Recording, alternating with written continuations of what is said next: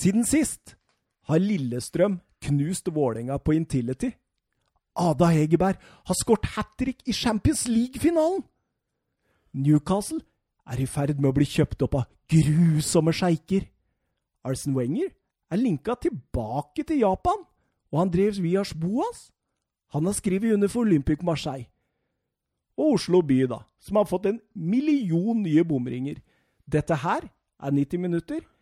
Velkommen til deg, Mats Sortnes Gravøl. Tusen hjertelig takk, eh, og velkommen til deg, Thomas. eh, Ja, Edvardsen. Jeg finner ikke på noe morsomt på navnet ditt, rett og slett. Thomas Ronaldo Edvardsen. Ja, nei, det er ikke så morsomt. Jo, det Ja, nei. nei det Det passer i dag, da, fordi vi har inngått et samarbeid med Sentralpuben på Oslo S i annen etasje der på Jernbanetorget 1. Ja, det var jo helt rå nyheter, rett og slett. Eh, og utrolig passende, faktisk. Ja, det er en nydelig eh, sportspub som ligger i annen etasje, som sagt. Eh, når du går inn der, så kan du velge mellom å sitte på eh, bord, eller du kan sitte i deilig stressleser.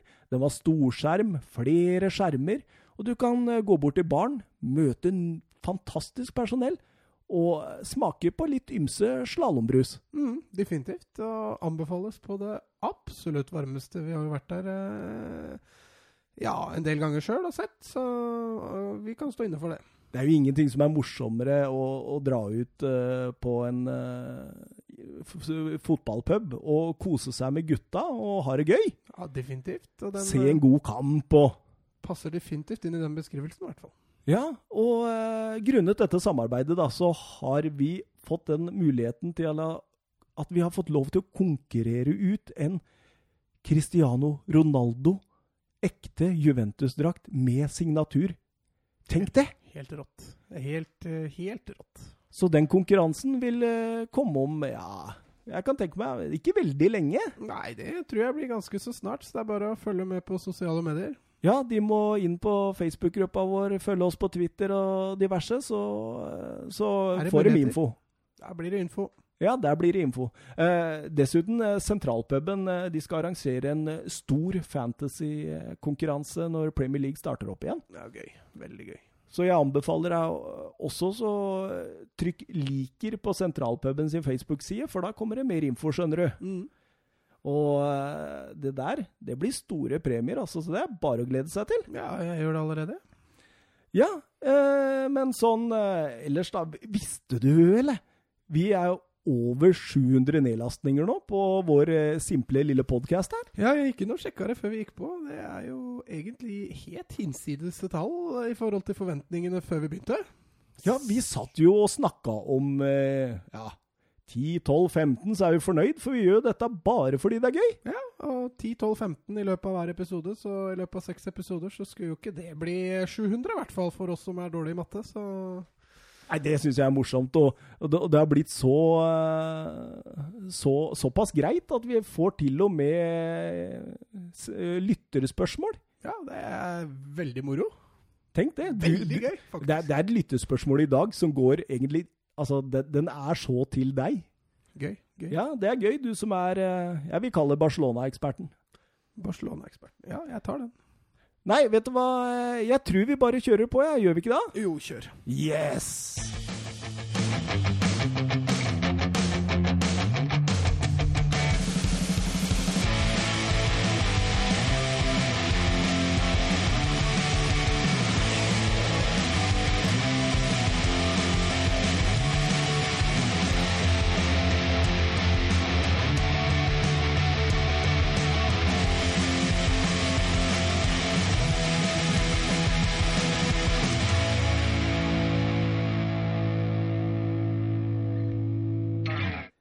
Hopper eh, rett og slett eh, ut i det, og vi hopper ut i eh, Ja, dette er vel den siste ligaen av de vi følger tettest, i hvert fall, som hadde avspark søndag. Ja, de første kampene ble vel spilt lørdag, faktisk.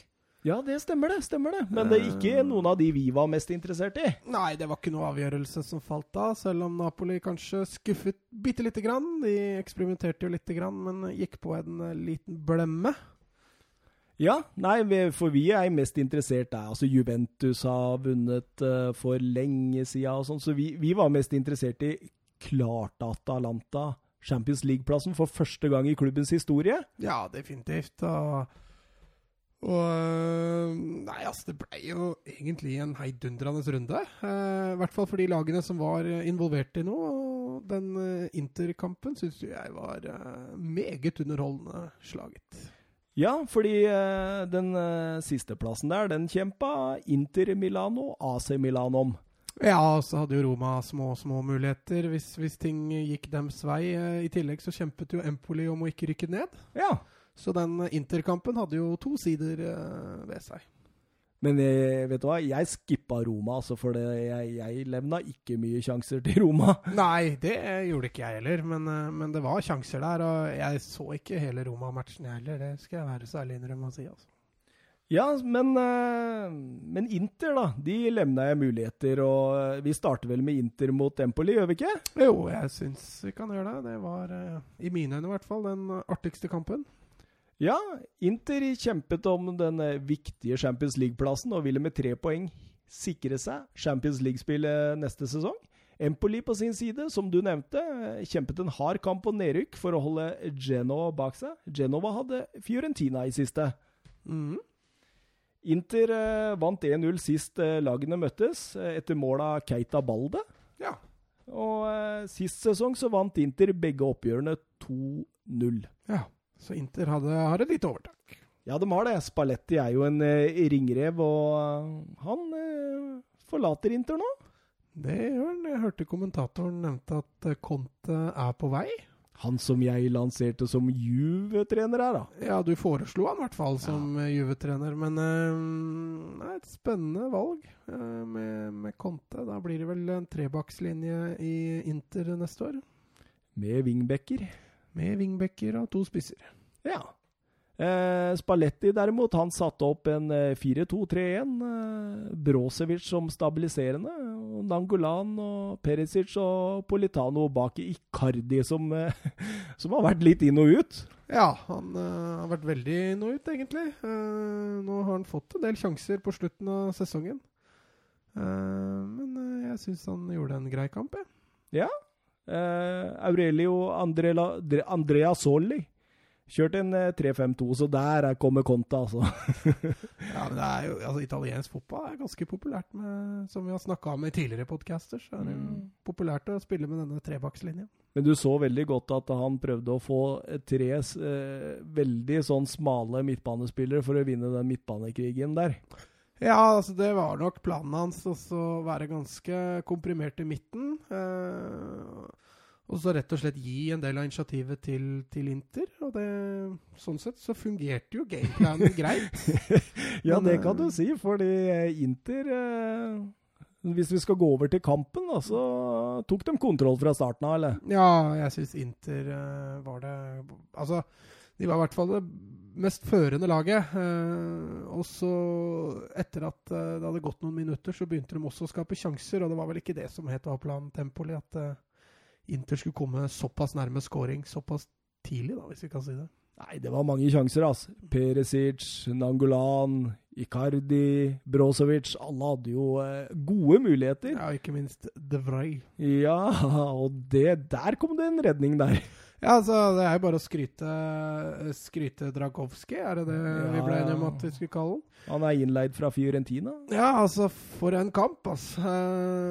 Og den redningen han har på corneren der til, til De Vries, den er uh, Altså, det er reaksjonen på Gordon Banks-nivå. Altså. ja, det er helt fantastisk.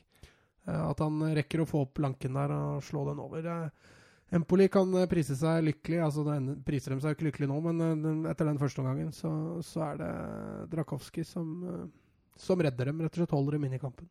Ja, for Empoli hadde virkelig ikke mye å stille opp med i første omgang. Nei, de hadde jo en kontring som nesten ble Jeg kan godt kalle det en sjanse, men uh, de ja. fikk ikke til veldig mye i den første. Du tenker på Caputo der, når han kommer igjennom der ja. og Handanovic redder? Korrekt. Ja, det, men, men, det var egentlig alt også. Men jeg, jeg tenker jo det at uh, de prisa seg lykkelig med den uh, null, null inn til pause. Ja, det må de jo ha gjort. For uh, ja, litt rettferdighet der, så ville jo Inter leda med både ett og to mål. Ja. Dragowski holdt dem virkelig inn i matchen, for å si det sånn. Det, det, det er i nyere tid en av de mest fantastiske keeperprestasjonene jeg har sett på lenge. Den omgangen han holder der. Ja, altså, Nå har jeg ikke sett Empoli så veldig mye i år, men, men kommentatorene i hvert fall skrøt jo veldig av han og sa at uh, han har hatt en fantastisk sesong. og... Nei, Jeg kan ikke forestille meg at han blir leid ut uh, en sesong til. Han blir vel enten førstekeeper i Fiorentina, eller så selger de ham, tenker jeg. Ja, det, det var helt vilt. Uh, Inter spilte jo i denne første omgang mye god offensiv fotball, syns jeg. Men, ja, men, men, men, det mangla litt på den siste pasningen. De, de, var flinke til å få ballen i rom, men så, når den avgjørende skulle komme, så var det liksom Enten så var det en dårlig avslutning eller en dårlig pasning. Mm. Men du ser også litt på, på laget. Hvis det er én ting offensivt Inter mangler, så er det jo den kreative Altså den mm. superkreative spilleren. Ja, ja. Eh, da, I kamper hvor du møter lag som ligger lavt, så, så ser vi jo det at de sliter litt med å, med å bryte gjennom. Ja, absolutt. Det, det, og det var kanskje det Spalletti tenkte på da når han satte inn eh, Keita Balde i, eh, etter eh, førsteomgangen der. fordi eh, det er vel det nærmeste de kommer kreativitet framover. Ja, altså, altså, i tillegg så, så tok han jo ut en bekk, så han ble jo et veldig, veldig offensivt bytte og, og, klarte med det å skape hva skal vi si, overtall uh, sentralt. Uh, Empoli Altså, de levde jo på 0-0 så lenge Genoa ikke skårte. Men, men, det å sette inn ball, Balde Balde Keite Balde Diao, tror jeg faktisk han heter. Men, uh, men, det gjorde at Inter fikk mye større overtallssituasjoner sentralt i banen. Og begynte plutselig å bli enda hvassere. Ja, for etter 51 eh, minutter der, så er det jo nettopp eh, Keite Balde Diao som eh, setter 1-0. Byttet betalte seg. Icardi drar med seg Mathias Silvestre på tvers og skaper rommet for Keita Balde. Som, jeg, ser, jeg, ser, det er en tøddel over én, altså, så jeg lurer på om det er Balde.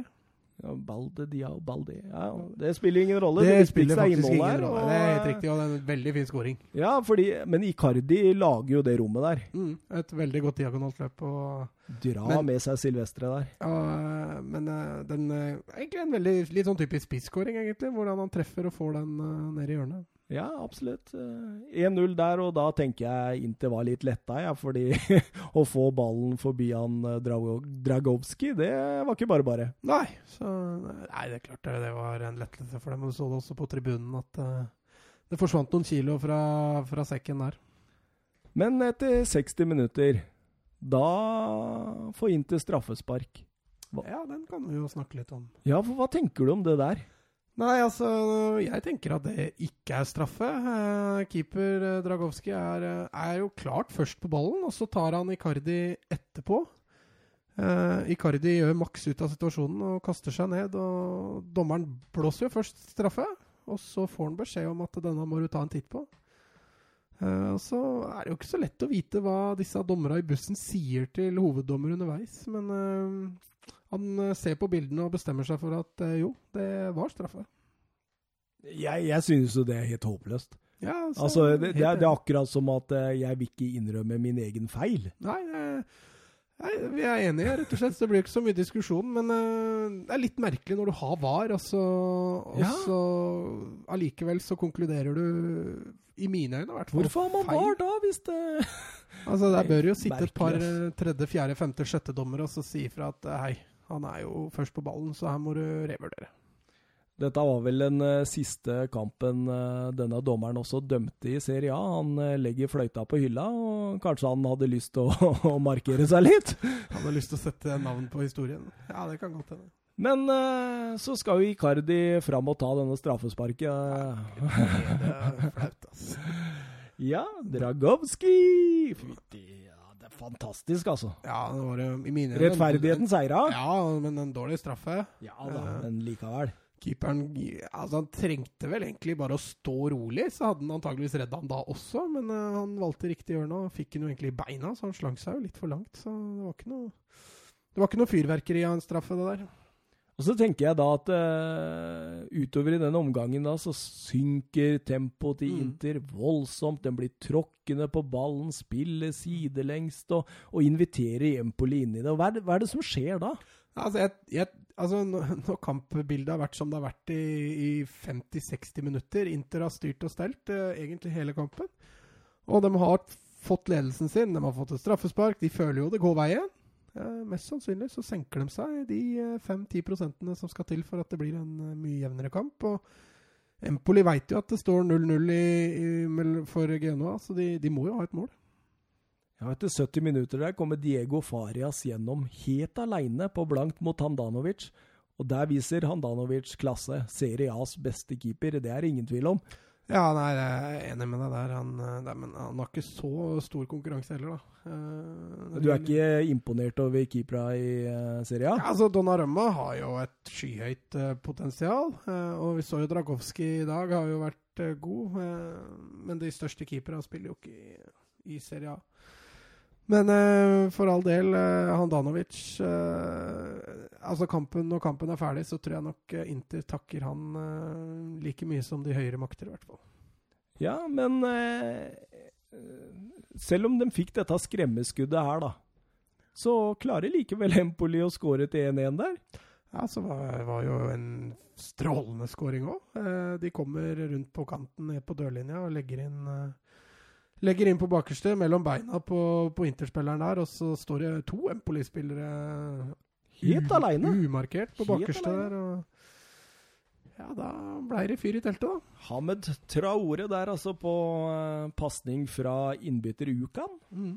Ja, fint, uh, fint forspill. Også. Og på det tidspunktet der, så er Inter utenfor topp fire, og Empoli har reddet videre spill i Serie A. Ja, det... Og da er det et uh, snaut kvarter igjen. Mm. Men uh, du så altså selv da, etter at uh, Når Empoli fikk den skåringa, så, så, greier ikke Inter sånn umiddelbart å, å svare. ja, det tok jo bare fem minutter. Jo, jo, jo, jo altså skåringen kommer jo, men du ser jo det at det kommer som et resultat ja, er, Jeg vil kalle det en kontring. Ja, absolutt. som igjen indikerer at Empoli har stått høyere i banen. Uh, så jeg tror Empoli følte litt at de hadde litt momentum i kampen når de uh, fikk 1-1 der. Men uh, som du sier, Inter uh, brukte jo ikke så lang tid på Ja, det var litt merkelig mål òg.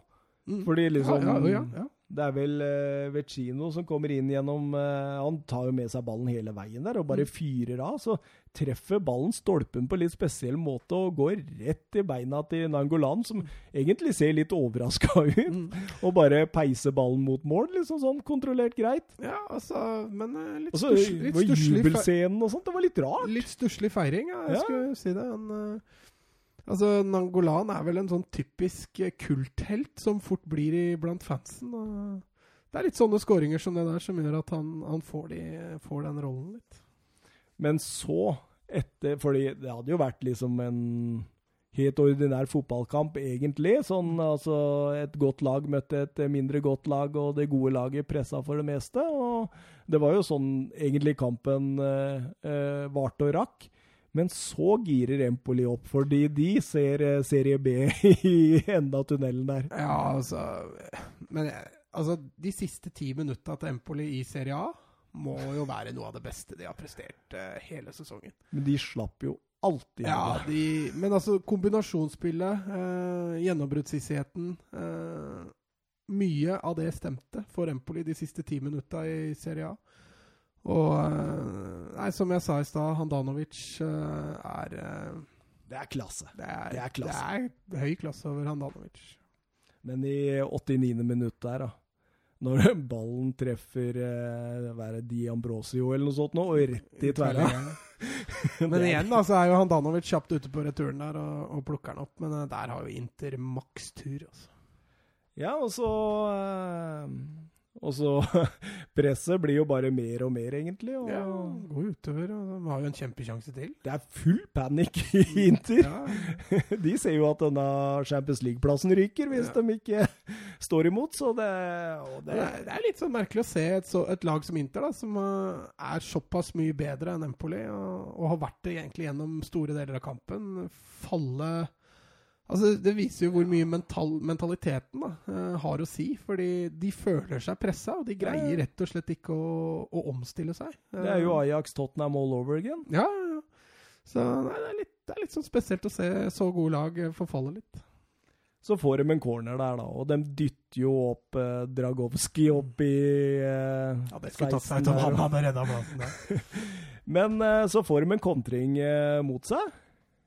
Ja, Og Empoli, Bro ja. Bro Brozovic, ja, han eh, setter ballen eh, på åpen kasse fra midtbanen, og 3-1, og enorme jubelscener. Mm. Og så dukka VAR opp. ja, for VAR hadde sett at eh, Keita ba Balde, Diao, han hadde holdt igjen uh, denne fantastiske keeperen i hans returløp. Ja. Nei, det var eh, Jeg, jeg syns det var korrekt, jeg. Eh, Ja, ja, Balde det er eh, Altså Men hva, hvorfor gjør han Ja, det? det var litt jeg skulle fram til. Altså, voldsomt urutinert gjort. Keeperen er jo allerede 20 meter bak ballen. og Brozovic er jo egentlig veldig sikker i den langpasningen som det faktisk er. Den triller i mål. Og, nei, Surrete av Balde og kløner det til på den måten. Ja, og i kaoset der så får jo Empoli også rødt kort. Ja, det blei jo Altså For Empoli så var det mye desperasjon også på slutten her, og de ser jo at eh, Serie B Ja. stirrer dem i øya. og det er klart Peruccini der, det, kameraene fikk det ikke med seg engang, men eh, Nei, han har tydeligvis fått rødt kort for enorme protester da, underveis i dette. Ja, altså, altså Mest sannsynlig så har han jo protestert på at det blei mål, og når da dommeren i tillegg ender opp med å annullere det, så, så føles det vel kanskje litt bortkasta ut, det, det røde kortet der. Han tar vel med seg kar karantenen i Serie B? Det gjør han definitivt. Ja. Eh, Så han starter neste sesong på tribunen. Men i det 97. minuttet, for denne kampen, den varte jo rakk, Ja, det så kommer jo en enorm dobbeltsjanse til Empoli der. Oi, Inter sleit så vilt. Jeg, jeg bare venta på 2-2 der, jeg, egentlig. Altså. Ja, altså du satt litt med den feelingen at Empoli skulle greie det. Det altså, basert på de siste 10-12 minuttene med overtida der, så, så, så unna man nesten Empoli det litt òg. For det, de, eh, de ofra virkelig alt altså, for å få den skåringa. Men uh, Inter klarte det. De blei nummer fire og fikk Champions League. Empoli, de gikk ned. Ja, det blei litt sånn skjebnens kamp, det der, for, for begge lag. Inter sitter nok igjen med en god følelse, og Empoli uh, må ta den tunge veien ned. Tror du det blir, eh, tror du det blir avgjørende for at Conte muligens kommer? Tror du han hadde kommet med Europa League-spill? Ja, vanskelig. Altså, Conte er jo fortsatt bare rykta, da. Men uh, det blir nok øh, vanskeligere å takke nei til Inter med Champions League. Det tror jeg vi kan være enige om, i hvert fall. Det er helt sikkert. Eh, gratulerer til Inter, og eh, på Altså, gjensyn til. Empoli. Eh, men jeg syns Inter har hatt en øh, god sesong. Jeg synes, øh, Når du klarer i løpet av 38 kamper å være fjerde best i ligaen, så er du fortjent å få Champions League. Ja, absolutt. Absolutt. Eh, Inter mangler jo mye for å ta de siste stega, da. Det ser man jo. Det er liksom altså, Icardi ut og inn, Perisic Han er jo liksom litt sånn ustabil type. Brosevic hadde jo egentlig en fantastisk start på serien i eh, denne sesongen, men har falt litt utover, egentlig. og Ja, Vesino har jo vært litt inn og ut av laget Ja. i våres, og Nangolan øh, Altså, på det beste så er jo Nangolan en øh, er jo en fantastisk midtbanespiller, men han også har variert litt. Og det, det er noe Inter Ja. har fått kjent litt på. Mye ustabilt, ja. Ja. Det er jo noe Inter har fått kjent litt på i denne våren. De hadde ikke vært uh, der uten uh, Handanovic, altså. Nei, nei, absolutt ikke. Jeg er helt enig med deg at det er eh, Serie A sin beste keeper. Ja, en av verdens beste, vil jeg si. ja, absolutt. Uh, gammel er han nå, veit du det? Nei, han er godt under 30 i hvert fall. Godt under 30? Ja, det tror jeg nok. Føler du deg trygg på det? Eh, ja, Skal jeg sjekke? det må du gjøre. Så eh, imens du sjekker det, så går jeg videre til eh, Atalanta mot Sassolo. Hvor mye vedder du på at han er godt under 30? Eh, 50 øre. 50 øre. Han er 34. Oi! Jeg syns det var litt rart. Jeg, jeg mener jeg har hørt om Er han så gammel? Det er jo ikke rart at ingen av storklubbene har uh, sikla etter han. Jeg syns jeg har hørt om han lenge. lenge. så- Ja, men jeg blei litt overraska der, altså. Ja. Nei, neste kamp. Atalanta Sassolo. Artig. Da fikk vi rett. Og så gøy med Atalanta i Champions League. De blei nummer tre etter eh, en egentlig en fantastisk kamp mot Sassolo. Ja, altså ganske underholdende. Altså, du, Ja, når, når du ser dem spille altså, Jeg kan kalle det gladfotball. Uh, så unner man, unner man dem alt vel. Og Jeg tror Atalanta kan overraske i eh, Champions League neste år. Ikke at de er i diskusjonen om å vinne noe som helst, men, eh, men at de kan by på, litt, by, by på seg sjøl litt. Og Det er en Askeladd. Det kommer til det å bli blir det. jo selvfølgelig en Askeladd, Ja, men uh, det er litt sånn som Ajax i år, kanskje. Vet du hva Tar du denne, men eh, Atalanta spilte på hjemmebane på bortebane. Uh, ja, altså de hadde hjemmekamp, men spilte ikke på sin egen stadion. da, regner jeg med. Ja, de spilte på Sassolo sin. Da var det jo enda sterkere prestasjon. Ja, de avslutta sesongen, de, på uh, Azzurri di Italia stadion. Uh, nei, det, det er jo stadion til Atlanta, som er under ombygning. Mm, stemmer. Ja. Så eh, Mapei stadium, der eh, spilte de sine Ja, det var jo to-tre siste kamper. Eh, Gasperini var ute før kampen og la eh, et stort press på eget lag med å si at det, var en hadde ville vært en ekstrem skuffelse å ikke holde helt inn. Eh, ja, det stemmer jo. Det er klart det hadde vært en skuffelse, så han uh, jugde jo ikke akkurat. Nei, men han var frisk i uttalelsene. Eh, Gasperini som vanlig ut i 3-4-1-2. Eh, Roberto Di Serbi derimot kom ut i en eh, 4-3-3. Eh, Di Serbi har eh, prøvd ekstremt mange forskjellige taktikker, eh, har jeg lagt merke til i løpet av sesongen. Så han, han blir eh, tydeligvis ikke helt enig med seg sjøl. Noen ganger er det tre bak, noen ganger fire og noen ganger fem. Og, Jo, men jeg tror også det- det har litt sammenheng med hvilket lag han møter. Han Ja, eh, men han har jo havna Ja ja, men det betyr jo det at han eh, stoler ikke helt på eget lag. Nei, at det, det, er- det er ikke Klopp hvor han kjører det samme kjøret uansett om han spiller mot Barcelona eller Derby County. Her er det virkelig Ta hensyn. Ja, sette seg ned med mange timer video i forkant og gjøre forarbeidet. Ja, Men eh, Atalanta jeg, jeg er nesten litt eh, småbetatt av det laget der. Altså Vi snakka litt om det før vi gikk på her, og den midtbanen til Atalanta, den, eh, den, er, eh, den er underholdende.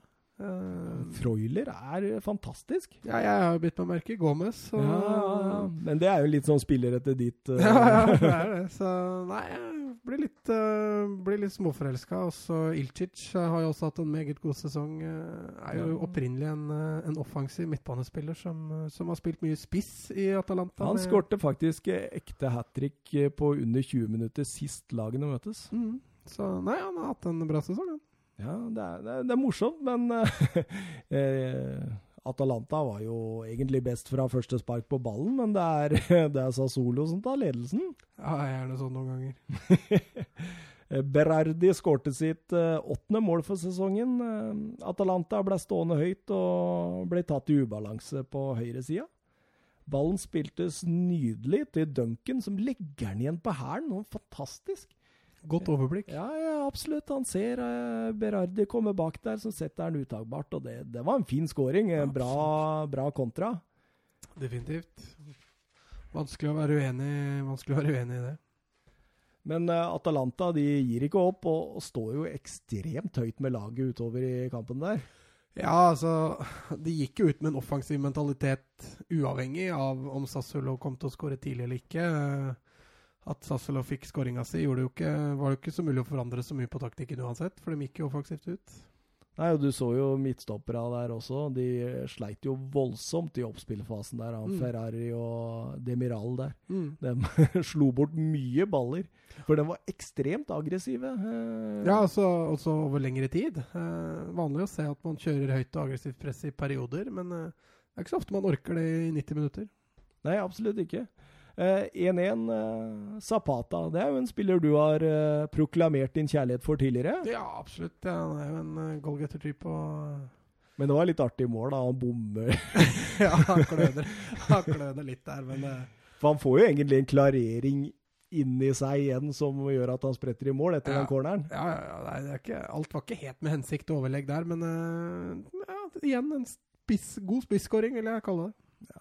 Og man satt jo egentlig i pausa der, og så tenkte man at dette, selv om det var 1-1 dette, ja, dette klarer de. Ja. Uh, god kontroll defensivt. Det var vel egentlig bare han eh, Duncan som var litt farlig innimellom, uh, på noen overganger der. Mm. Ellers så var jo Ilicic og Gomez hadde mange fine sjanser på 1-1 der. og en kamp egentlig Atalanta burde greid å lede ganske Egentlig ganske greit. Ja, de var komfortable. Jeg er helt enig med deg i det. Men eh, siste spark på ballen før laga går inn til pause der. Ja. Magna, Nelly og Deron er i tottene på hverandre. Mm. Eh, hva er det som skjer der? For Magna Det er vanskelig å si det navnet der. Hvem er det? Er det Magnanelli gjør jo et utfall der. Magna Magnanelli. Magna Magnanelli, ja. Gjør et utfall mot Deron. Og så faller jo Deron som han uh, skulle vært skutt. Mm. Og så kommer Berardi bort og prøver Hva er det han prøver å gjøre deg? Riste den i liv, eller hva? Det var vel uortodoks eh, hjertestart-opplegg der. Og så får han rødt kort for det. Den var, den var hard. Ja, jeg syns jeg er helt enig med deg. Jeg syns dommeren surrer litt til der og skaper litt Hva skal jeg si? å Skaper litt unødvendig med misnøye. Eh, Liksom bare, bare, bare si 'gutta, Mm. det holder nå. Ja. Vi går inn til pause'. Så tar vi, tar vi et kvarter. Jeg er helt enig med deg. Jeg syns dommeren kløner det litt til. eh, I en eh, kamp som eh, Atalanta mest sannsynlig hadde vunnet uansett. Men eh, når de kommer ut pause, fra pause der, så fortsetter jo Atalanta kjøret sitt. Og eh, etter 53 minutter så kommer yndlingen din, da. Ja, altså nå spiller jo Atalanta med én mann mer, så når, eh, når de gikk til pause med 11 mot 10, så følte man jo seg egentlig enda tryggere. Og Gomez viser jo litt hvorfor jeg er glad i den. da. Det var et nydelig spill på små flater der i stad før eh, returen der. Jo, det var litt det vi snakket om i Atlanta. Ja. At eh, det er mye fin kombinasjonsspill, spesielt fra midtbanen og opp. Og så får han æren av å sette inn to 2-1 der. Ja, fin skip der som uh, blir forsøkt redda på strek uh, uten nytte. Mm. Han bare gjør den uh, via stolpen og inn isteden. Han eh, godeste Demiral, som ikke hadde noe stor kamp, egentlig. eh, og så ja, 65 minutter rett etter. Eh, kampen durer og går i det samme, den samme takt og tone, og innbytter eh, Pasalic eh, gjør det. 3-1. Ja, han møter et innlegg fra nevnte Gomez og eh, snurrer rundt med Magnanelli. jeg må holde tunga i munnen, jeg sier det der. Holde tunga i munnen. Og Gomez snurrer rundt med han og sender inn innlegget. Der er han på bakerste og header inn. eh, Han har vært på banen i tre minutter, tror jeg, eller noe sånt. nå. Det var coaching i verdensklasse. Da var vel kampen punktert. Ja. Og, og om ikke det er nok, så får jo Sassolo et eh, rødt kort nummer to utover i kampen der. Ja, ikke så veldig mye betydning annet enn at de to ikke spiller starten på neste sesong. Atalanta hadde jo allerede vunnet kampen på det tidspunktet. og Litt frustrasjon. Ja, Sassuolo. nei, han var ikke litt frustrert, han der av Magnanelli der, frustrer- eller? Han har vært i, fra vært i tottene med de råden der, som skapte denne rett før eh, Pausen der, Ja, og så ble han jo snurra rundt med Gomez på 3-1 der, og han hadde jo et kroppsspråk utover i kampen der som ikke ligna grisen, egentlig. Ikke, ikke noe kapteinverdig. Nei, altså hva Altså når, en, når du står som trener, da, så ser du spilleren din bli så frustrert utover i kampen, så kan man jo kanskje spørre seg sjøl om ikke det burde vært gjort et lite grep for å unngått en sånn eh, karantene som man da vil få.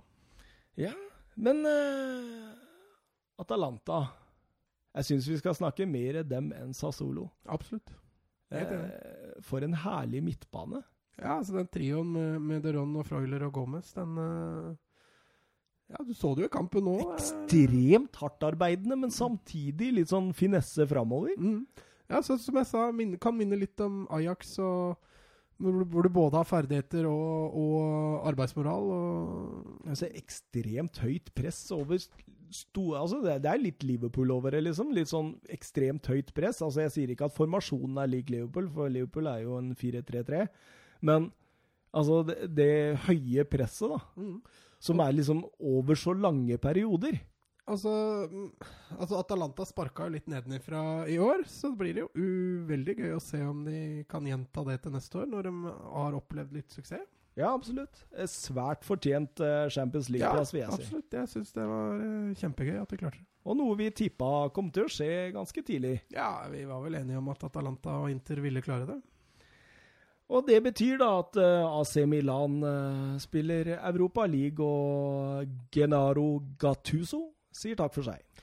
Ja, nå har han jo hatt Var det tredje sesongen, eller to og en halv sesong han har hatt i Hatt i Milan nå, uten å greie topp fire, og Milan har jo brukt en del penger, så Han hadde vel to år igjen av kontrakta òg, men sa vel egentlig det at uh, Vet du hva Dette jeg, får jeg ikke til. Ja, jeg er ikke her for pengene, jeg er her for kjærlighet til klubben. Han mm. var veldig klar på det, så jeg overlater roret til noen andre. Ja, altså er det jo Jeg syns jo det er litt synd, ja, da. Jeg syns jo Milan er en meget uh, solid historie. og ja, det er En klubb som Milan hører jo hjemme i Champions League med jevne mellomrom. Nå begynner det å bli noen år siden sist de, de klarte det, så litt trist at de ikke fikk det til i år, hvor de uh, har en bra stall. Ja. Jeg tror ikke vi gidder å bruke så ekstremt mye tid på det, fordi ja, de, altså Altså, kampen var jo ganske underholdende. Det, Milan spilte jo Altså, det var to veldig forskjellige omganger. For i mm. første omgang så var Milan veldig gode, mm. og andre omgang så var Milan veldig dårlig. Ja, det, det var litt sånn som vi snakka om med, med Bakayoko og Kessie der, som, som jeg syns styrte mye av butikken i første omgang, og som ikke kommer helt til sin rett i, i andre omgang. Og det gjør at Milan mister litt av kampen. Ja, Bakayoko han eh, Det er jo ekstremt dårlig press han der på 2-2-skåringen til Sassolo. Der. Ja, litt passivt, egentlig. Ja, det det. Han, han, står og venter og ser litt hva som skjer, istedenfor å stresse motspilleren. Og, og, sånn sett inviterer Spal til å skaffe seg en god målsjanse, og den tar de jo godt vare på. Og nå skal Bakayoko tilbake til Chelsea. Ja, vi får se, da. Ja, det AC Milan har gått ut og sagt at uh, de vil ikke hente han. Nei. Mm. De sa jo tidligere i våres at de ønsket å hente ja, han, så da men, har de men, men det går litt på form, dette. vet du. For liksom, Han var jo veldig god i en periode, mm, men uh, på slutten av sesongen har han ikke vært bra. altså. Nei, de siste kampene så er jeg for så vidt enig, men uh, Chelsea Jeg vet ikke om Chelsea kan ta seg råd til å selge den heller, når de har en overgangsnekt. Ja, nei, det er litt vanskelig å si. Hvis Sarri tar denne Juventus-jobben som han har blitt linka til nå, da så kommer det kanskje en ny trener inn. og det det åpner jo for uh, Det åpner jo for spillere som uh, i utgangspunktet ble sendt bort, da. Ja, tror du det blir Frank som kommer hjem?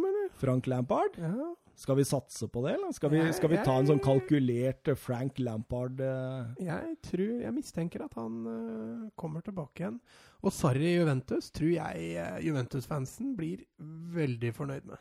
Ja, det tror jeg òg. Han passer litt som hånd i hanske. Ja, jeg tror han kan mm. gjøre gode ting med med Juve er jo langt mer offensivt anlagt enn en Allegri. Og, og, så er det vel lov å røyke på tribunen i Italia, så da trives vel han bedre òg. Jeg skulle akkurat til å si det. Da kanskje han slipper å tygge på disse sneipene. Ja ja. Men uh, ja, Milan uh, De klarer jo å ro i land en uh, 3-2-skåring på slutten der, og var det straffespark, da?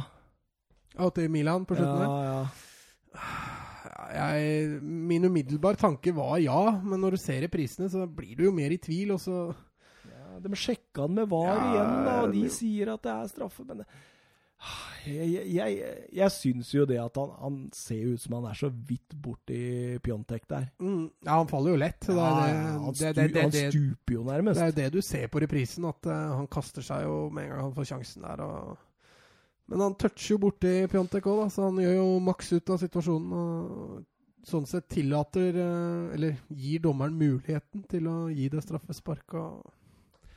Ja, det er ikke så lett å gi verken stryk eller godkjent på den der. Nei, så da, da, gjorde jo egentlig alle disse tre som kjempa om eh, Champions League-plassen, jobben sin, da. Ja, da var det jo de som starta foran, som endte foran, da. Ja.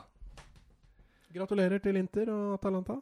Og ja, vi kan ikke gratulere Milan, tror jeg, for de er vel litt skuffa over dette. Ja, de sitter nok igjen.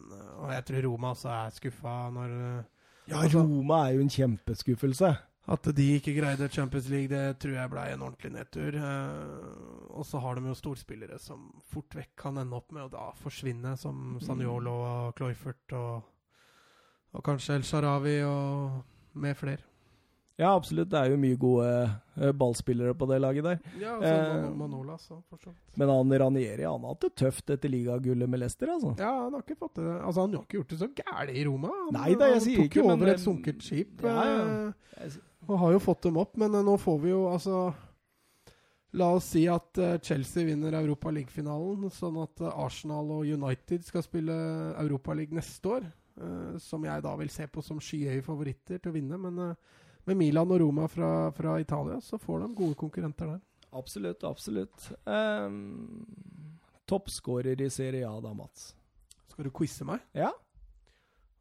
Ja, Quagliarella han ble toppskårer. Ja, 26 mål. Ja, og så blei vel uh, Zapata.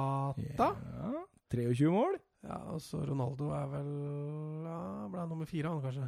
Ja. Nå er, nå er du sterk! Nå er du sterk. Hvem er nummer tre? Ja? Eh, jo, Pjontek! Pjontek! Pjontek. Ja, Den satt langt inne. ja. Men, men klarer du nummer fem, da? Da blir jeg faktisk imponert, for det er nå. Dette har du kontroll på. Nummer fem. Hvem er det jeg ikke har hatt med da? Napoli er et lag jeg mangler. Hvem er det som ble toppskårer der, da? Var, det, var det han uh, Milik? Mil, Milk? Milik? Det er helt riktig. Ja, Det er, er, det er full score, ass. Det er deilig. Ja, du, du får den, altså. Det skal du, det skal du virkelig få. Mm. Eh, jeg tror vi bare hopper rett videre i programmet, jeg. Eh, for nå, i disse dager, så skjer det noe veldig spennende for eh, alle og enhver som er glad i Newcastle United. Ja, med positivt eller negativt fortegn, tenker du Det på? veit man ikke ennå. Du har ikke snakka med noen Newcastle uh... Jo, jeg har faktisk uh, snakka med en uh, Newcastle-supporter. eh, En jeg kjenner veldig godt uh, til, som er eh, en god kollega. mm. Og eh, jeg tror han gleder seg mer enn han gruer seg. Fordi det er liksom litt sånn Du har levd liksom så lenge i skuffelsen at du føler kanskje det at det går ikke an å bli mer skuffa da, enn det man har blitt under Mike Ashleys ledelse i klubben. Nei, altså, det kan vel ikke gå så mye verre. Eh, det er jeg for så vidt enig med det, deg det er jo en stor klubb. Newcastle er jo en stor klubb, ikke sant? Ja. De skal jo egentlig være oppe der og kjempe. Ja, jeg er helt enig med deg. Så øh, Men øh, ja. Øh, det kommer jo øh, De- det, som, det som er da, når folk kommer inn og kjøper sånne altså pengeskriker altså Husker jo Malaga-prosjektet? Der det ble spytta inn en del kroner til overganger og spillekjøp. Og så trekker plutselig dem seg litt ut og vil ikke være med å bidra til lønninger og sånne ting. Og så går klubben sakte, men sikkert da rett og slett til helvete. Men uh, disse araberne som har kjøpt klubber tidligere, har jo ikke vist seg å trekke seg sånn umiddelbart kjapt ut. Så mm, nei, hvis det ender opp med, med eierskifte der, så, så tror, jeg, tror jeg det kan bli veldig artig å være Newcastle-supporter. Og du så jo oddsen for hvor Mbappé spiller neste sesong. Den, uh, den sank drastisk for, uh, for Newcastle, så Nei, det blir, det blir veldig spennende å se. Ja, sjeik Khalid bin Sayed al-Nayan. Det har du memorisert. Ja. Ja. Eh, medlem av kongefamilien i Abu Dhabi. Mm. Regnes som en av de mest eh, suksessfulle forretningsmennene i Gulfstatene. Og er fetteren til Manchester City-eier eh, sjeik Mansour. Ender opp som sånn familiefeide, hele det Premier League-greiene. Driver og slåss seg imellom klubba sine. Det. Skal visst ha en enorm formue innad i familien. Jeg leste at det var 14, nei, 1400 milliarder i norske kroner innad i familien, hvor, eh, hvor han sikkert eier en del av det. Ja, eh, og så også Newcastle har jo bekrefta at eh, det eh, foregår forhandlinger, da. Ja, de har jo det. Eh, Selv om de sier at det er i startfasen og mye, mye kan fortsatt skje. Men Ashley er nok keen på å selge, men samtidig så er han jo ikke keen for å selge billig, så Nei, og når du ser pengesekken til eh, kjøper her òg, så stiger nok den litt. Rann. ja, han veit nok hva han forhandler med, i hvert fall. Ja, Mike Ashley eid klubben siden eh, 2007. Da kjøpte han eh, klubben for 123,4 millioner pund. 2007? Du sa 2011 i stad. Når har jeg sagt 2011? Jeg snakka om uh, Når vi snakka før sending. ja, ja, stemmer. Nei, men da snakka jeg om uh, når han omgjorde St. James' James' ja, Park det det? Ja, stemmer. Ja, ja. For Mike Ashley kjøpte jo klubben i 2007, og det var i 2011 den fadesen hvor han sa nei, nå skal vi ikke ha noe St. James' Park mer, nå skal vi ha Sports Direct Arena. Ja, det var jo vellykka. Det fikk jo sinnet i koke for disse Tyneside-folka, for å si det sånn. Ja, Han har jo vel ikke akkurat vært en populær eh, eier. Nei, han har jo ikke det, ikke sant? Fordi det har jo vært litt sånn med han at eh, de føler jo det at flaggskipet til Mike Ashley har vært eh, denne sportskjeden hans. Mm. Og at Newcastle har vært en, et, et slags verktøy for denne sportskjeden hans, da. Ja. Altså, altså, det ser du jo også. Altså, han har jo nesten eh, ikke brukt penger, mer penger enn det han har fått inn på spillekjøp. Og da kan du tenke på alt som foregår i TV-rettigheter, Mm. eh, sponsorat, alt mulig sånt. da. Så har han jo stikket av med enorme summer som han har putta rett inn i sin egen personlige kasse. ikke sant? Ja. ja altså man, Når man ser hva han har gjort siden 2007, så forstår man jo godt at eh, Newcastle-fansen ikke er eh, veldig godt fornøyd. Og så ser du klubbene rundt handler jo tør å bruke penger, og så sitter du der med en eier sjøl som, eh, som gnikker og gnur og gir veldig lite tilbake. Ja, det må være frustrerende. Eh, han har også prøvd å kjøpe Liverpool eh, tidligere. Mm, stemmer. Men jeg så at eh, Fenway Sports Group var ute og Ja, den bekrefta vel egentlig at det hadde blitt eh, forsøkt eh, kjøpt opp av denne personen, men at de hadde Det, det hadde kollapsa tidlig. Ja. Han hadde vel bydd hva var det, hva, det var 20 millioner Nei, det var jo helt voldsomt 20 milliarder, eller noe sånt. Jeg syns du sa 20 milliarder i stedet. ja. ja, det var jeg med 20 millioner 200 millioner pund, kanskje? Ja. Er det 20 milliarder? Ja, Ja, det det. kanskje. Eh, For seint å begynne å regne på det. Men eh, ja, nei eh, Samtidig da, så tror jeg nok Liverpool er, er jo en litt større klubb og er jo sånn sett verdt mer penger òg. Men det som gleda meg, da, når jeg sitter og lest om dette, det, det er jo det at det går seriøse spekulasjoner. Altså det er independente som uh, melder det, at, eh, at eh, eh, han har allerede vært i kontakt med Benitez og sagt at uh, du er min mann. Vi forlenger kontrakten. Og det syns jeg er litt fint. At man ikke går inn og bare liksom Ja, du så jo Abramovic gjorde jo det når han tok over Chelsea. Da var jo Ranieri ganske kjapt eh, ferdig. og så det også i Malaga, når de tok over der, så var det Pellegrini som skulle inn. og så... Nei, nei, jeg syns det er ålreit at de går inn da og så gir dem eh, Men altså, Benitez er jo en merittert eh, Merittert og ikke minst dyktig taktisk trener, så jeg tror nok ikke de gjør noe dårlig valg i å la han fortsette. altså. Det, Tror du det blir storkjøp allerede i sommer, eller? hvis de tar over, så kommer jo det til å gå på Newcastle har litt uh, å ta igjen for flere overganger hvor de ikke har kjøpt så mye, så jeg tror vi kan få en over, saftig overgang i løpet av vinteren, nei, i løpet av sommeren, men uh, hvis det blir uh, overtakelse. Icardi? Ja, som jeg sa, med Mbappé. Bale? Mbappé. Mbappé? Ja, tror du det? Nei, det tror jeg ikke. Han går ikke Nei, dit. Altså. eh, Neymar hadde mer vært typen som gikk dit. for penga sin skyld. Ja, ja. Ja, det sto jo, jeg leste jo det at han, hvis Real Madrid skulle ha han, så måtte de eh, Men jeg, jeg tror ikke det blir Det blir ikke de kanonene. Det tror jeg ikke. Jeg, jeg, jeg har liksom litt sånn på Altså, du må prøve deg litt fram, ikke sant? Så jeg tror Det, det kan være litt sånn eh, Tidligere veldig gode spillere, eller spillere som sliter litt der de er, men som har et skyhøyt potensial. Eh, Jeg ville kanskje prøvd å snappe Godin rett foran nesa på Inter, jeg. Nei, han har allerede signert, han, så det Nei, jeg finner ikke noe bekrefta. Jeg har leita som bare det i dag. Er du sikker på det? Ja, Ja, han takka jo for, for ja han takka for seg og sånt, men uh, jeg, jeg, jeg har leita i dag altså, for å prøve å finne den bekreftelsen. Det, den har jeg fortsatt ikke funnet. Ja, nei, da får jeg bare stole på deg, da. ja, så ser vi, ser vi om du gjør lurt i det. Jeg har i hvert fall sjekka det opp. Eh, men å hente en sånn rutinert stopper, da eh, Som Godin? ved- Ja, ved mm. siden av Lacelle. Og så og bygge opp derfra. Ja, altså De har jo en god keeper. eh, De har jo helt sånn greit forsvar. Mangler kanskje en venstreback, en eh, god høyreback kanskje. Ja, jeg tror nok jeg hadde kjøpt eh, i hvert fall et par bekker. Eller én høyre og en venstre, og så én stopper, som du mm. sier. Eh, jeg tror jeg hadde gått for en spiss. Altså, mm. altså Rondon er jo, er jo en bra spiss, men han er ikke, det er ikke fyrverkerispiss. Uh, også, Men Perez og Almiron er jo kjempegode Ja. som offensive midtbanespillere. også, hvem er det som har spilt mest dypt der i år, da? Ja, det, de, de har, eh, de De har har variert, litt. eh. Shelby har vært litt innom Longstaff. Han unggutten har jo eh, vært der en del. Så de, har, har veksla lite grann. Men uh, Jeg tror jeg hadde gått for å hente en dyp uh, midtbanespiller, og så og så en spiss. mm, Kanskje en kreativ midtbanespiller. Bale og Icardi. Det er mye gjort. Godin, Bale og Icardi. Ja, også en bekk. Venstrebekk. Ja. Marcelo, kanskje. ja, ja, men det, det er jo ikke umulig, det hvis uh, Real henter han Mendy fra Lyon. Ja, nei, altså Marcelo han virker egentlig ganske ferdig spilt i Real Madrid, sånn han har spilt det siste. så er Kanskje han tar en eh, Alves og tyner ut noen sesonger til på et, eh, et annet sted. Ja, det er nettopp derfor jeg kanskje kan tenke at han kunne passa der. Ja.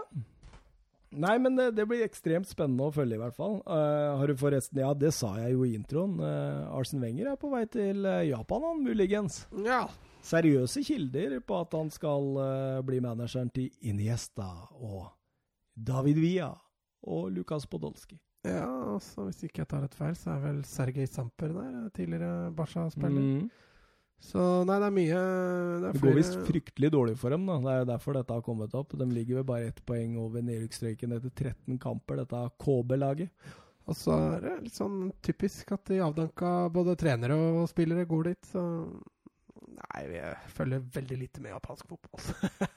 Arsen Wenger må jo være mye å komme- 70 år nå, han. Ja, 69-70 år. Gi meg to sekunder, så har du svaret. Ja, nei, det Men han Jeg trodde han Var, var ikke han linka til en, øh, til en sportsdirektørrolle i Paris Saint-Germain? Jo, du eh, sa det sånn. Ja. Eh, det var du som sa det til meg. Eh, men eh, han ville vel ikke? Nei, det var vel heller det at det var han Det var Qatar Sports Investment som sa det. Det De ønsket han. de ønsket han ikke. De ønsket han ikke? Nei. Å, sånn, ja. Det, Han er 69, da, så der hadde du nesten helt ja, jeg sa 70 eller 69, sa jeg. jeg. ja, Du sa det, ja? Ja, Ja, da hadde du helt Du får høre på podkasten, så ser du rett. Jeg skal prøve å Jeg skal laste ned, så får vi over 700 nedlastninger. Nei, eh, Mats, skal vi over på hovedkampene våre, eller? Ja, hvem vil du begynne med? Eh, det kan være litt opp til deg, egentlig. Eh, Jeg veit at jeg skal grille deg med noen sånne lytterspørsmål i forhold til Barcelona-kampen, i hvert fall. Ja, vi tar Bayern først, da. Da tar vi Bayern først. Eh, Er det en grunn til at du ikke nevnte Leipzig der? Vi tar Bayern. Bare Bayern. Uh, ja, nei, det var fordi de står oppført som hjemmelag, så da tar jeg dem. Ja. tar jeg det først. Nei, egentlig står de faktisk oppført som bortelag, så det var dårlig. Det var et veldig dårlig argument. Den var du god på. Det er godt for deg at klokken har passert ett. Ja, jeg merker at jeg er litt sliten. Men uh, kjør på. Ja, Uh, DFB pokal, cupfinale, Tyskland, Leipzig, RB Leipzig til og med, mot uh, Bayern München. Ja, vi fikk jo en liten preview av den matchen uh, i nest siste seriekamp. Det var den som var så dørgende kjedelig, det. Den var jo dørgende kjedelig, så det var fryktelig godt å se at de laga gikk ut i et litt annet uh, tempo. Ja, kampen ble spilt på Olympiastadion, og det er jo det er jo en stadion med historisk sus over seg. Absolutt. Det var vel der også han Jesse Owens uh, sprinta inn til eh, OL-gull i 36 foran Adolf Hitler, var det ikke det? Jo, det stemmer, det. Mm. Det var vel et øyeblikk for historiebøkene, det. Ja, jeg kan faktisk et dikt om det. Oi. Skal vi få høre. Ja, ja. Det er Arnulf Øverland, tror jeg. Ok. Eh, Skal vi prøve her? Skal vi lage litt sånn poesi her? Ja, få høre litt poesi i Ah. podcast. Niggeren Owen sprinter. Germanera stuper sprengt. Den blonde stadion undres, og føreren mørkner strengt. Men tenk da med sorg på alle, de jødiske kvinner og menn, som sprang for livet i gaten. Dem nådde dere igjen. Oi, oi, oi. Det var Hæ? eh, det var litt trist, da. Ja, men det Ja, jo, selvfølgelig var det trist. Men eh, det, det er dikt til ettertanke, tenker Ja, ja, ja. Jeg tror jeg var pensum på noen ungdomsskolen eller noe sånt, og så har den bare sittet. Jeg veit ikke hvorfor. Nei. Um, Heldigvis var det noen andre som løp uh, på lørdag, i hvert fall. Ja, det var noen andre som løp på lørdagen. eh, En kamp mellom seriemesteren og nummer tre, så det var skikkelig toppoppgjør i cupfinalen her, altså. Ja, jeg syns det. Eh, og så var det to lag som gikk ut eh, ganske offensivt, så det ble litt annerledes enn den seriekampen vi fikk servert for litt siden. Ja, det var artig. Leipzig ut i en 4-2-2-2 med breie kanter der, og Bayern ut i sin sedvanlige formasjon eh, 4-2-3-1. Ja, altså, altså Leipzig gikk jo ut med en veldig offensiv mentalitet, i hvert fall. Mm. Eh, her skal vi ut og stresse. Eh, Ja, det, er jo, det er jo Ralf Ragnhild, ja, ja. Og, gegenpressens eh, far. men du så jo Klopp sin store inspirasjonskilde. Men eh, nei, litt tilbake igjen til den seriekampen de spilte, så var det ikke så mye som syntes på det i den kampen, så Hadde de ingenting å spille for da, vet du. Nei, men eh, Ja, ja. Nei, altså Det var i hvert fall veldig bra for kampen at Leipzig gikk så offensivt ut som de gjorde, og ikke la seg så langt nedpå, i hvert fall. Ja, det var ekstremt moro. Jeg kosa meg fra første stund av, jeg. Ja, ja, ja. Og Karl-Heinz Romenig var til og med før, eh, ute før kampen og freda Kovac. Så Ja, men det sa vel Kovac annonserte vel det sjøl, rett ja, etter at seriegullet var Han var sikra. ganske sikker eh, der, ja. Så, men, eh, men når du sikrer det double i Bundesliga, så får man, eh, bør man jo få en eh, second chance. Visste du forresten at det var den tredje cupfinalen på rad for Niko Kovac? I Bundesliga? Ja, ja, altså ikke i Bundesliga, cupfinalen. Okay. Ja, tredje på rad. Han var, eh, året før så vant han eh, med Frankfurt mot Bayern München. Ja. Ja, og to år før så tapte han vel eh, Jeg husker ikke helt hvem det var mot, men det eh, var for Frankfurt, det òg. Så han har hatt tre cupfinaler på rad, han. Det er sterkt. Det er ganske sterkt. Ehm, ja, som du sa, eh, det var jo gegenpress ut av en annen verden der. Eh, De eh, sto jo opp og føyk opp i blokkene, og, og Bayern München de fikk jo de, de så litt stressa ut i oppspisefasen der. Ja, altså jeg syns det fungerte bra, jeg. Eh, altså til tider, uh, når Bayern først greide å spille seg fri fra presset, så, så fikk jo Leipzig litt større problemer, men uh, Altså, jeg, Litt vanskelig å si om noen av lagene greide å feste et skikkelig grep de første minutta der. For det ble, det ble, kampen ble veldig haussa opp, da. Ja, det var jo mye fram og tilbake der, og det, men det var jo litt dit jeg tror Leipzig ville ha, ha kampen, da. Men øh, ja, nei, altså de, de greide jo ikke å stå med det høye presset hele tida. Bayern fikk roa det ned litt etter hvert, i hvert fall. Men for en stor sjanse de fikk etter ti minutter der. Der, det, det, der er Noyer tilbake på sitt aller, aller beste Mm. da han tar den uh, headingen fra Paulsen etter corner. Ja, ja. ja. Hæ? altså, det er reaksjon. Vi snakka jo om, uh, jo om keeperen Tempolista, og der, eh, der viser jo det med Neuer eh, Ja, det, det er helt enormt. Men, men skulle det vært straffespark eh, i situasjonen etter der, når eh, Konaté blir eh, dratt bakover av Lewandowski? Jeg mener det skal være straffe. Ja, altså jeg, altså, jeg syns, jeg syns egentlig ikke det er det, fordi Konaté gjør maks ut av situasjonen også. Eh, samtidig som det ser jo ikke ut som han blir noe sånn spesielt hindra for å få til en avslutning der. Han blir dratt litt i trøya, men eh, Men det er mer straffespark enn det Icardi Å ja, ja, ja, ja, det er jeg enig med deg Men jeg syns dommeren var greit at han Er det mer straffespark enn det Pjontek fikk? Du prøver å arrestere meg nå. Eh, Det er riktig tidspunkt når jeg er så trøtt. Men eh, nei, nei. Det går jo ikke an å sammenligne situasjonene, for de er jo, de er jo helt annerledes. Men uh, holding i felt uh, på dødball og sånne ting, det er jo mer og mer akseptabelt, akseptert. Ja. Nei, jeg, jeg tror jeg kanskje hadde dømt straffe. Men uh, meg om det. Men uh, Leipzig står jo ekstremt høyt. De stresser Bayern voldsomt der. Altså. Mm. Og Bayern gjør jo en del sånne graverende oppspillsfeil, egentlig.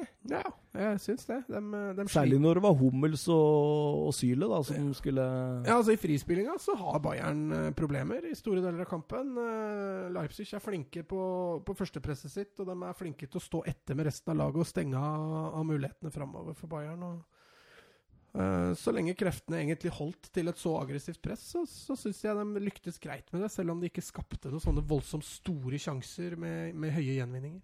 Ja, helt klart. Men eh, etter 28 minutter der, da har jo egentlig kampen gått i turbofart. Så ser man litt hva som kan skje når det høye presset ikke fungerer. Ja, men det var litt det jeg snakka om tidligere, at eh, når Bayern først greide å spille da, eh, så står jo Leipzig høyt med mange, mange folk. og da blir det mye rom for kreative spillere som, som Tiago og Ja, vi kan vel kanskje kalle, kalle Müller for kreativ òg, men eh, Han syntes jeg var dårlig. Ja, Müller. Men, men eh, ja, for det, det er jo det som skjer på 1-0-målet der. At, eh, at eh, de stuper jo oppi og skal gjenvinne ballen, og så eh, Thiago han Med én pasning så er fem spillere borte. Ja, der har de jo den Og så, kreativiteten. og så går ballen til Martinez, som finner eh, Koman ut på kant. Og så skaper de en to mot én der, ikke sant? fordi de er jo undertall. Det, det er nesten tre mot tre inne i boks. Mm. Og så slår egentlig Alaba et dårlig innlegg. Men eh, for en prestasjon. ja. Så du han var tilbake og henta den, eller? ja, vi snakka, husker vi snakka tidligere podkast om Jovic Mm. og den headinga Ja. han hadde.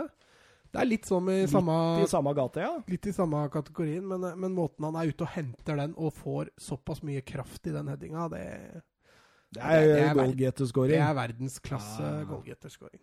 Jeg syns liksom Lewandowski var tilbake på sitt aller beste i den Ja, kampen. altså, her. nå har ikke jeg sett alle Bayern sine kamper i år, skal jeg være helt ærlig, så, men dette var en av de bedre kampene jeg har sett Lewandowski. Ja, altså, veldig absolutt. bevegelig. Ja. Eh, han viste til og med tidvis kreative evner. Han, ja, det er eh, nettopp det jeg tenker på. Fordi han har jo alltid vært den som har dytta litt kula over målet. Og, ikke over målet, men over målstreken. Men uh, denne gangen så syns jeg han var veldig deltakende òg i de sjansene de fikk. Ja, oppbyggende. Ja. Ja. At han var litt mer avgjørende utafor streken òg, hvis vi kan si det på den måten. I tillegg så var han jo Han var veldig bevegelig. Han, han strakk veldig på stoppera, og plutselig så fant han seg sjøl ute på kanten et par ganger der, og Men det har vi vært inne på før, at eh, Lewandowski før så lå han bare egentlig innafor elleve meter, liksom på en måte foran kassa. mm. Mens nå har han begynt å trekke litt ut til sidene. Jo, det går vel også litt på spillestilen Ja, til, som ja. Bayern har hatt de siste åra, med, med veldig bevegelige spisser. Og... Nei, jeg syns han hadde en veldig god kamp, jeg. Ja, og etter 41 minutter der så kan det egentlig bli 2-0, og det er litt av den samme gata, Mm. egentlig. Ja, for det- presset fungerer ikke, og Hummels tar med seg ballen, og det, det, for Først så tar han med seg ballen, og det blir tre mann borte, og så slår han gjennom uh, igjen, og så er det tre mann til borte. Mm. Og så henger Klostermann igjen på høyrebekken der. Opphever da. Ja, og da opphever Men det, det, det trekkspillforsvaret der, da. Ja, nei, det var uh, Fryse det bildet der, så ser man uh, hvordan man ikke skal spille offensivt forsvar. Men han prøver å sette den i offside, da, men det går dårlig. Ja, det går veldig dårlig når ikke alle følger med. Uh, men det var litt også i den situasjonen der å se Hummels nesten litt tilbake igjen i den gode tida han hadde i Mm, Dortmund. Måten ja, han tar med seg kula. Og han, han, altså, jeg vil jo ikke kalle han veldig kreativ, men han, han, har, han er en stopper som kan spille gjennom ledd. Mm. Eh, og der viser han egentlig to gode styrker han har. Både det å ta med seg kula gjennom ledd, og spille ballen gjennom ledd. Og så når du har stoppere som får til det, Mm. så kan du egentlig spille av høyt press eh, på en mye enklere og bedre måte. Ja, ikke sant? For det blir enda en på en måte Ja. faktor å ta Hvis du sitter med to ja. duellspillere, da, som Mm. type United à la Phil Jones og Chris Smalling, Ja, ja. som aldri verden ville klart å gjøre noe sånt, så Åsen, hvorfor trakk du opp akkurat de to, da? Men da, altså, da, da Det tjener jo Bayern eh, Mm. veldig mye på når Leipzig står høyt i så lang periode. Og apropos styrker, Koman eh, setter jo full fart på der å runde Gulashi og setter ballen på mål, men der kommer en annen som har imponert meg voldsomt i det siste, på streken og redder. Eh, Konate, var det han du tenkte på? Ja, han hadde en veldig god kamp. Eh, Ja, det var strålende, altså. Han er, han er 20 år. Ja, han, øh, han redder jo Leipzig egentlig ved flere. Der redder han dem jo bokstavelig talt med å redde på streken, men han hadde en veldig god kamp. Og Nei, ja, Det er et av de største ja. stoppertalentene i verden, vet du. Bayern kunne fort ha vunnet litt mer hvis de hadde hatt en litt dårligere stopper enn han der. Ja, han var, han var, han var veldig, veldig god.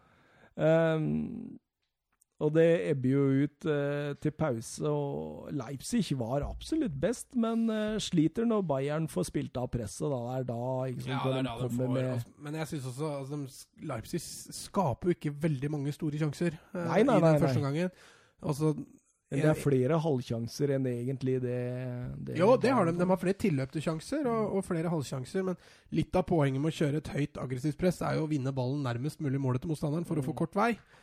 Eh, og når du da ikke greier å, å utnytte den, eh, de feilene Bayern gjør underveis der på en bedre måte enn den de gjør, så da ebber det jo litt ut med at de ikke greier å skape det et store.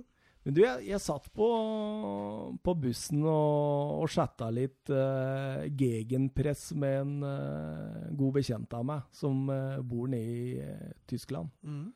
Han er veldig på dette med Ralf Ragnhild og Klopp og gegenpress og tyske maskinfotballen, ikke sant? Mm.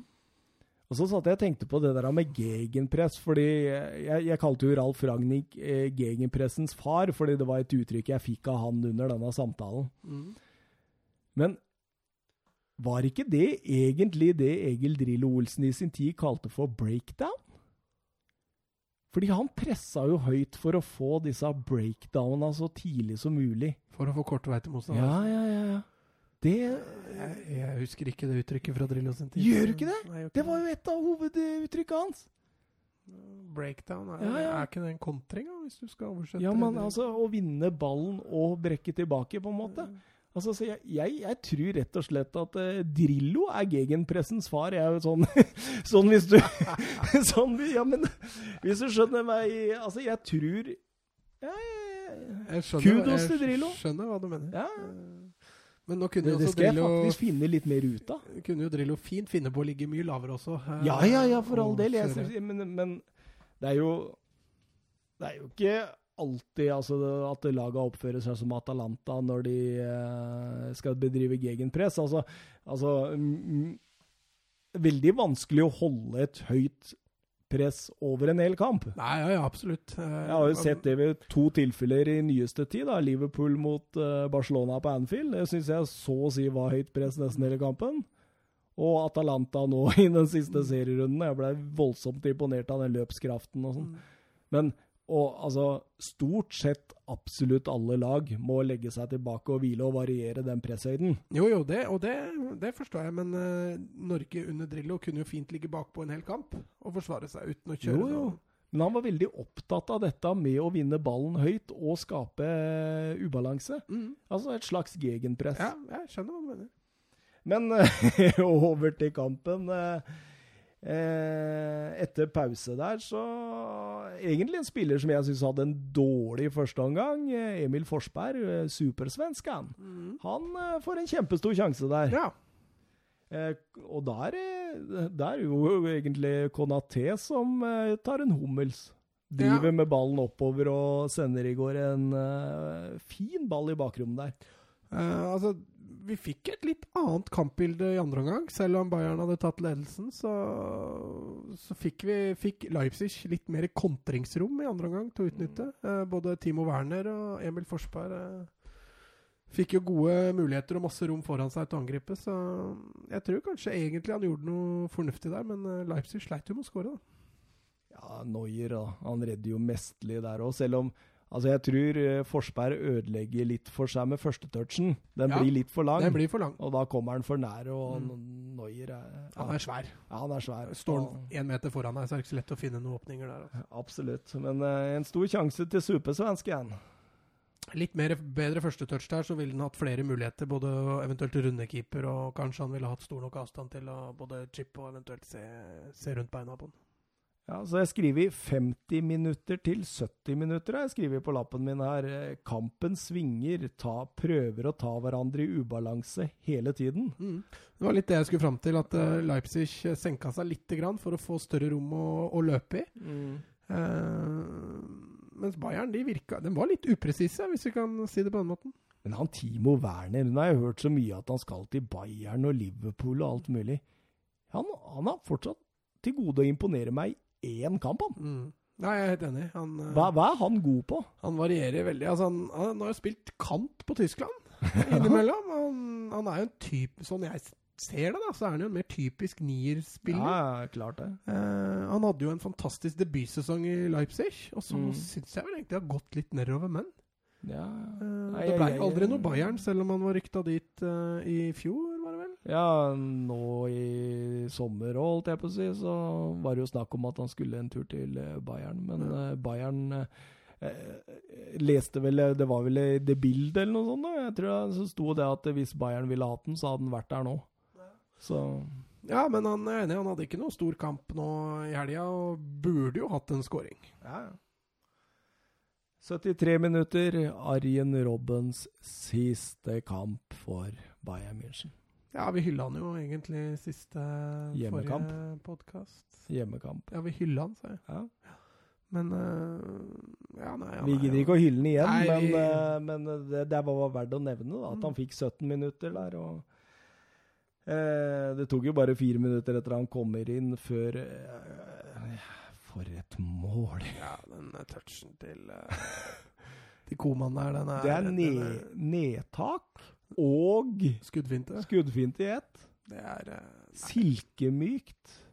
Det, jeg, jeg satt vel og hadde et dikt i stad. Skal, vi- skal vi dra fram eh, poesi? Ja. Ja, Har du et dikt til Koman?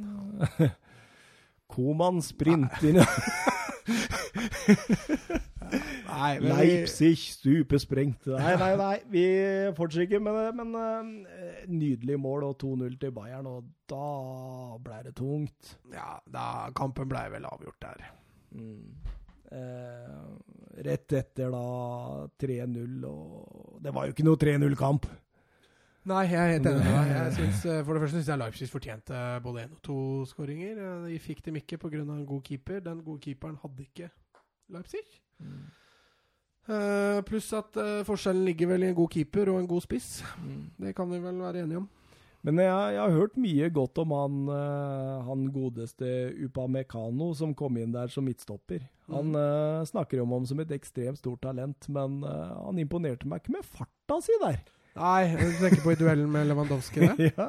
Nei, han eh, Altså, Lewandowski er jo heller ikke kjent for å være spesielt kjapp, men der eh, Nei, det er nettopp det jeg tenkte, og der så det liksom ut som Bale mot Maikon i sin tid i Champions League der. da. Folk ropte sånn taxi til Maikon. Altså, det er greit å, å jage scoring, altså, men, men han bytter ut begge stoppera sine i løpet av matchen. Mm. Eh, Litt uortodoks. Ja, Ralf, vet du. Det var siste kampen han så. Han blir sportsdirektør, tror jeg. Det, det er vel Julian Nagelsmann, som vi har nevnt en haug av ganger nå, som tar over. Det blir spennende. Vår mann. Vår mann, vår mann. Det Skal vi følge. Eh, Lewandowski der skipper jo nydelig over Ja, eh, jeg syns Gulasji. han kroner en strålende match. Ja, absolutt, absolutt. Eh, og siden vi nevnte Robben, så nevner vi Ribberi. Fikk de fire siste minuttene og eh, var med hele veien inn i jubelscener. Eh, Bayern München tar cupgullet. 3-0. Jevn spilt match. Mm. Eh, Ja, så ser du på, ser du på statistikkene, så så skulle det tilsi at Bayern vant, vant fortjent, men ikke at 3-0 var fortjent. De hadde ballen i 58% og de, de hadde sju avslutninger mer enn eh, Leipzig, hvorav ti av dem var på mål, mens Leipzig hadde bare fire på mål. Så Mm. det var vel greit at Bayern eh, vant, men at 3-0 3-0 er flatterende. Men, men alle tre målene, da, eh, er store, store enkeltmannsprestasjoner. ikke sant? Mm. Headingen til Lewandowski. Eh, Medtaket til Koman. Medtaket til Koman. Og eh, chipen til Lewandowski. Men, men jeg, jeg tar, tar egentlig ikke med 3-0-målet, for der er det kjørt. og Ja. Bare. Men liksom, altså, det avgjøres så mye på kvalitet inne i boks. da, Mm. For der hvor Timo Werner og, og Forsberg. Forsberg og, og han Paulsen brente disse sjansene, Mm. så, så, så settes dem. Og der er den store og hele forskjellen. Mm. Det var litt det jeg sa, at eh, det var en spiss og en keeper som, eh, som var de store forskjellene. Gratulerer Bayern München. Gratulerer Niko Kovac, som eh, garantert får sitte neste sesong også. Ja, gratulerer. Og så får vi se om eh, det blir noen nye spillere, da. Det har kommet inn to allerede.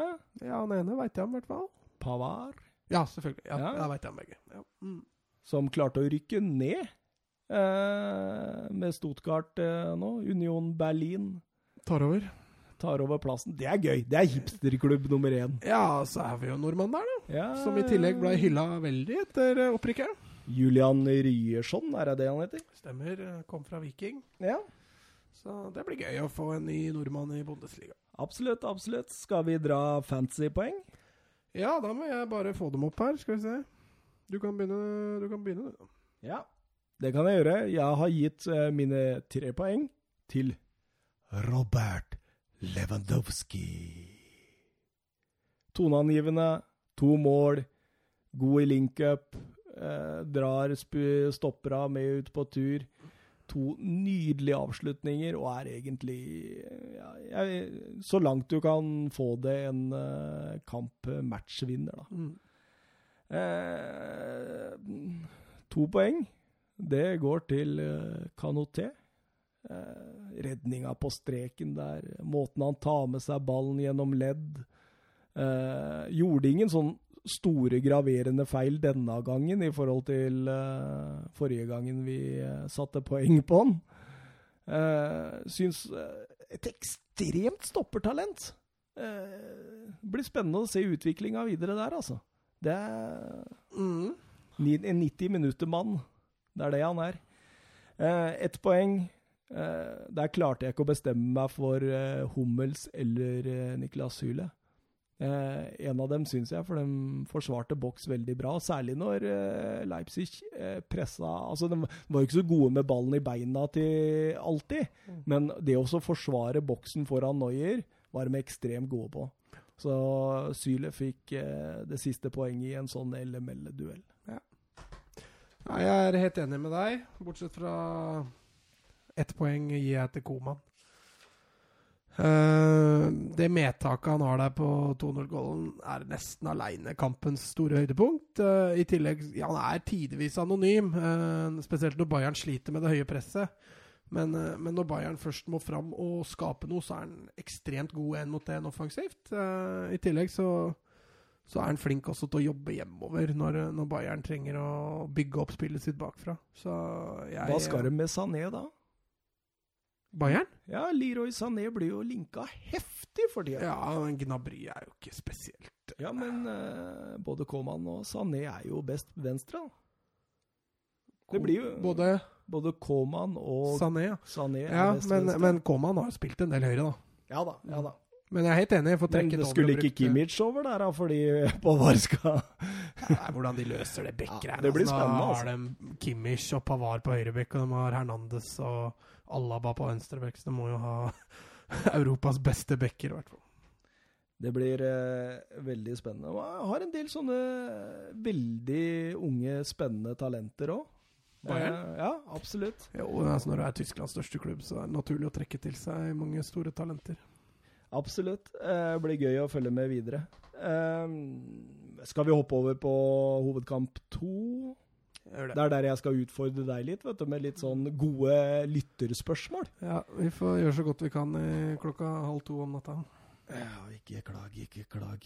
Dette her puster du ut og inn hver eneste dag, ja. Mats Granvold. Du elsker Barcelona og Valverde og Messi og åhå!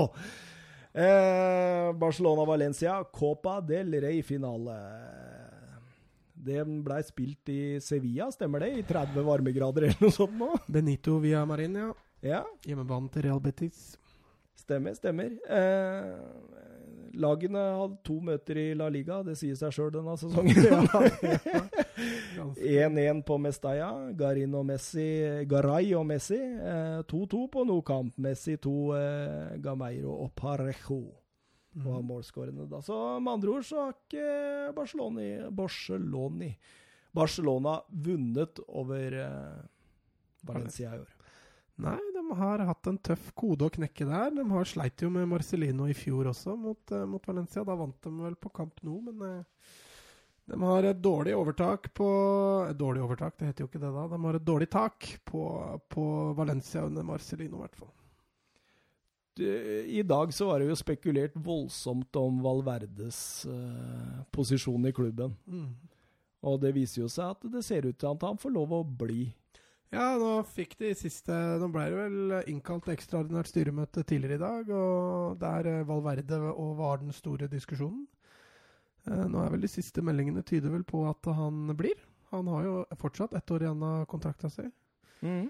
Eh, det er både Bertomeo og Abidal har gitt støtte til, til til Valverde, i tillegg til de større spillerne i stallen, har også uttrykt sin støtte til Valverde. og da har ja, for, det var, ja, for det var det jeg tenkte. Hvor mye tror du støtta fra Messi før oppgjøret betydde?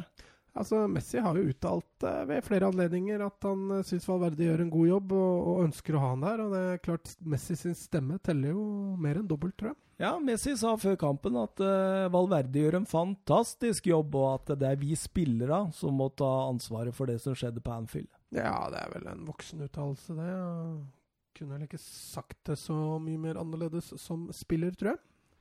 Den sjette strake Copa del Rey-finalen for Barcelona. Ja, de har jo klart flest eh, Copa del Rey-trofeer i Spania. eh, Og det har på en måte vært dem sin cup. Selv om det kalles for kongens cup i Spania, så, så er det Barcelona som har historisk sett et stort overtak på de andre lagene. Ja, angående Kongens cup. eh, Real Madrid har ikke vært der siden 13-14-sesongen, eh, da de vant 2-1 over Barcelona. Ja, nei, det stemmer det. Det var vel det siste laget som påførte Barcelona et tap før, før, søndag, før lørdag. Helt riktig, helt riktig. Eh, Valencia sikra seg den siste Champions League-plassen i siste serierunde forrige helg, og går jo inn i matchen med momentum. De var jo i grei form. Mm. Eh, Barcelona, Barcelona har jo spilt eh, Du ler der. Det er, det er lett klokka halv to. Det er litt kaldt. Ja, eh, Barcelona har jo spilt noen mer eller mindre uviktige kamper på slutten der, og det kunne man nesten se litt når kampen starta, at det var liksom litt sånn et lag som var veldig sånn Spilte på tredje gir. Ja, det, gikk ikke, det gikk ikke veldig Og det er jo veldig lett, da, når du har kommet inn i den rytmen, ikke sant? Mm. Og det så du jo litt etter at Liverpool Etter at de røyk ut mot Liverpool i Champions League, så virka det som Det virka nesten litt som sesongen var over. Du så det i de to siste seriekampene de hadde, en mot Getafe Eibar. Det gikk eh, litt på siste giret. Eh, I tillegg så har de jo mangla både Suárez og Dembélé offensivt. Uh, og Coutinho for så vidt også offensivt. Han var jo tilbake igjen i, på lørdag, men uh. Men før kampen, når jeg så lagoppstillingene og sånt, og jeg så, så Eurosport Norge satte den opp i en eh, 4-3-3, så Mm. tenkte jeg, når jeg så spillere, så tenkte jeg Jøss, spiller Barcelona 4-4-1-1 her, eller hva er det de gjør, liksom? Fordi eh, han måtte jo gjøre noe grep siden Suárez var ute, Dembélé var ute. og og grepa var jo Coutinho på venstre og Roberto på høyre. mm. Og Ja. Messi som en sånn ja, fri rolle, nier-sleng her og der. Ja, altså når, når altså Prins Boateng ble jo kjøpt inn, eller lånt inn, som en eh, hva skal vi kalle det, en slags eh, erstatter for Suárez når han ikke var der. Men så har det vist seg at han ikke holder mål i det hele tatt.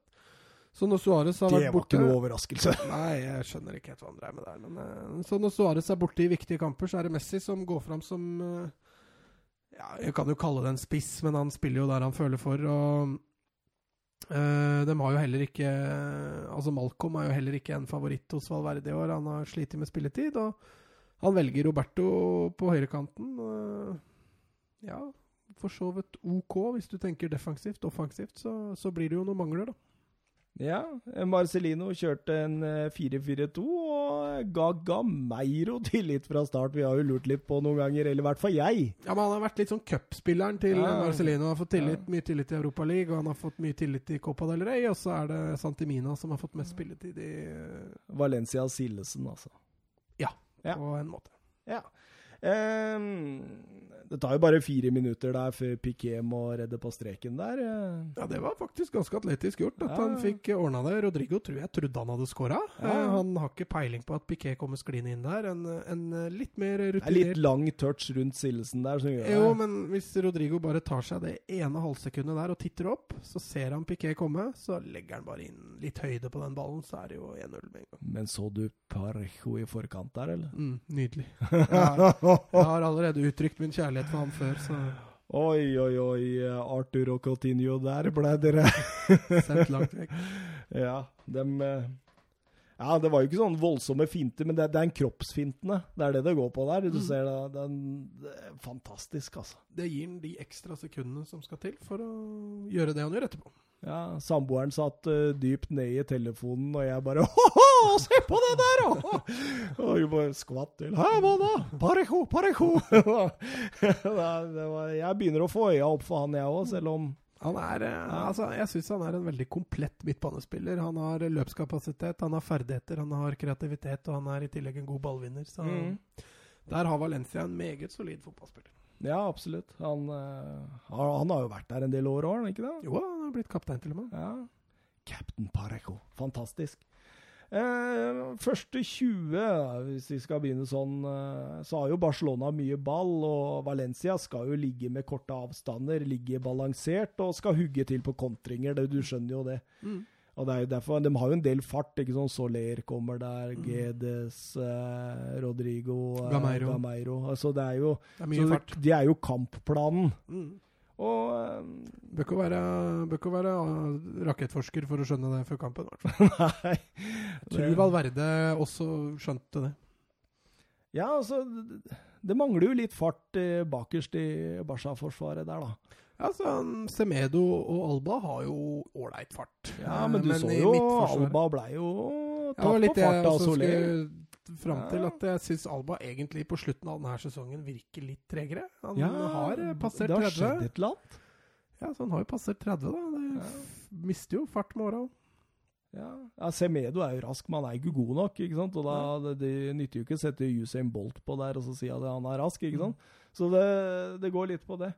Eh, 21 minutter, Kevin Gameiro. Fin skåring. Ja, det var en nydelig skåring. Mm. Eh, men ser du det er Paulista som starter det angrepet? ja. Altså, han, han, sklir fått, i tillegg. Også. han har fått mye dritt, men uh, der er en stor blomsterbukett til Paulista som setter i gang uh, den uh, kontringa der. Mm. Gaia, som jeg har skrytt av tidligere, spesielt i første oppgjøret mot Arsenal, som får den ballen fra Paulista og Mm. sender den nydelig ut til Gameiro, som setter den der. Mm. Fin skåring. Absolutt. Og, Og litt sånn skåring som jeg ser for meg at Marcellino Marcelino hadde tegna litt på brettet før de gikk ut. jeg tror når det passerte 20 minutter og de fikk 1-0, så tenkte Marcelino at dette går akkurat Mm. sånn som jeg ønsker. Uh, at han kalkulerte med en scoring såpass tidlig, det er ikke sikkert han gjorde, men eh, ikke heller så voldsomt ufortjent at det var Valencia som leder. Nei, og så er det jo rett tilbake i skallet sitt etter 1-0, da, og står defensivt. Korte avstander. Eh, veldig sånn eh, obs på Barcelonas eh, trekanter og måten de skal sette i gang. og Du, du ser jo nesten de har jo to mann på Messi med en gang han får ballen. og så, så ser du at de gir litt mer større avstander til f.eks. Arthur og, og Coutinho. Coutinho er jo helt ute av det, egentlig. Han står bare og tråkker på ballen. Ja, han, er, altså det virker, altså han virker veldig planløst over det han driver med. Uh, han spiller lett og slett litt på vane. Tenk hvor god han var i Liverpool. Hva tror du han tenker angående Liverpool nå? liksom? Nå har han gått glipp av to Champions League-finaler for å komme dit og motta masse pepper fra Camp Ja. Men det er ikke så lett å vite det på forhånd. da. Eh, På det tidspunktet hvor han gikk, så var jo Nei, men det går an å angre. Det går an å tenke Jo, men det, det tror jeg han gjør. Ja, ja, det Altså, må han gjøre, altså.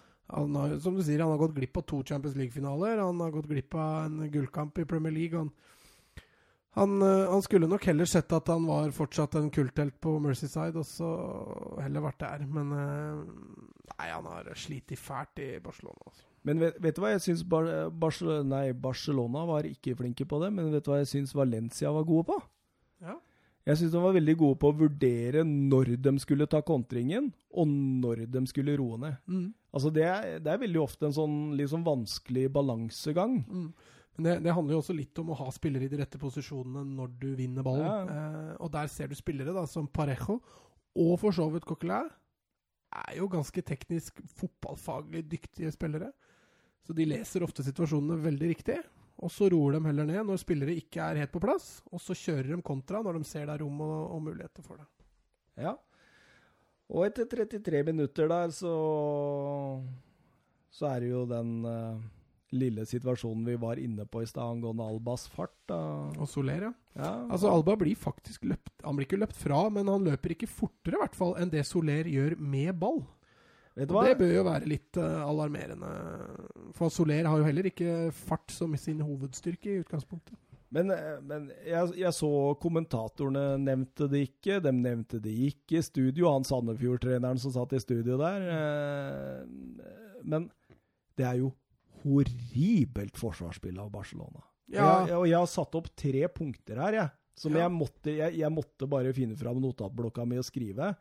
Og så Altså eh, Jeg skriver her De faller ikke raskt nok av når det ikke er press på ballfører. Fordi eh, Parejo danser jo rundt på midten der. Mm. Og så sender jo han ballen til en eller annen som jeg ikke husker. Eh, kan være GDS eller noe sånt. Da. Og, og eh, da, i det øyeblikket der, hvor eh, Parejo har eh, rundlurt Rakitic og sendt den ballen til Laos Skallen Geders, jeg er litt usikker, så, så er det jo ikke press på ballfører mer. Og det er ingen i Barcelona-forsvaret der som faller. Mm. Og det resulterer i at, at denne situasjonen på en måte oppstår, da. Fordi eh, Piquet blir ballwatching når Soler slår innlegget også. Mm. Veldig ballwashing. Og så skriver jeg her at Langlet Langlais tar ikke ut dybde og kommer aldri i sikringsposisjon til Alba. Og du ser også at Alba, vet du Altså Soler har jo 100% fart fremover han, når Mm. Alba er i ferd med å snu. Mm. Så det er jo sånn, sånne graverende juniorfeil da, i det som jeg liksom Jeg, jeg, satt bare og venta på den analysen av det forsvarsspillet i pausa. Blei veldig skuffa når det ikke kom opp noe. Mm. Fordi det er Altså, jeg, jeg, er helt, jeg er enig med deg i det. Eh, Jeg syns Barcelona opptrer ganske nonsjalant i, Ja. i forsvaret sitt. Eh, Valencia vinner ballen, og så er det akkurat sånn de står og venter på at nei, den vinner vi fort igjen. Og ikke ta høyde for at uh, nå kommer det en kontring. Uh, og så veit de i tillegg at Valencia har mye fart. Så Nei, jeg er for så vidt enig med deg. Den burde falt av tidligere. Uh, og så burde Piquet vært litt mer oppmerksom på den ene mannen han har å markere. Ja, for det er jo ekstrem ballwatching der. Ja, ja, og, og Lenglet er for treig til å komme opp i sikring. Altså, han ligger han jo altfor langt unna, unna Alba når Mm. eh, den duellen er der. Han, Mm. han ligger jo nesten inne med Piquet. Mm. Ja, jeg er helt enig. Han ligger altfor langt unna, og Carlos Soler får Så lenge han greier å holde Alba såpass langt bak seg som han gjør der, så får han god tid egentlig til å sikte. Det er ikke noe sånn superbra innlegg, men han skyter innlegget så hardt Mm. at, eh, at så lenge bare Rodrigo får den mot mål, så blir det jo mål. Ja, det var fint mål òg. Absolutt. Ikke ta fra dem noe som helst. Ja, og Barcelona-forsvaret kunne ta fra dem noe som helst, for det der var forferdelig. Men eh, videre. Eh, Messi med et par halvsjanser. Da, da begynte Messi å våkne. Du så han var litt sånn forbanna, liksom. Mm.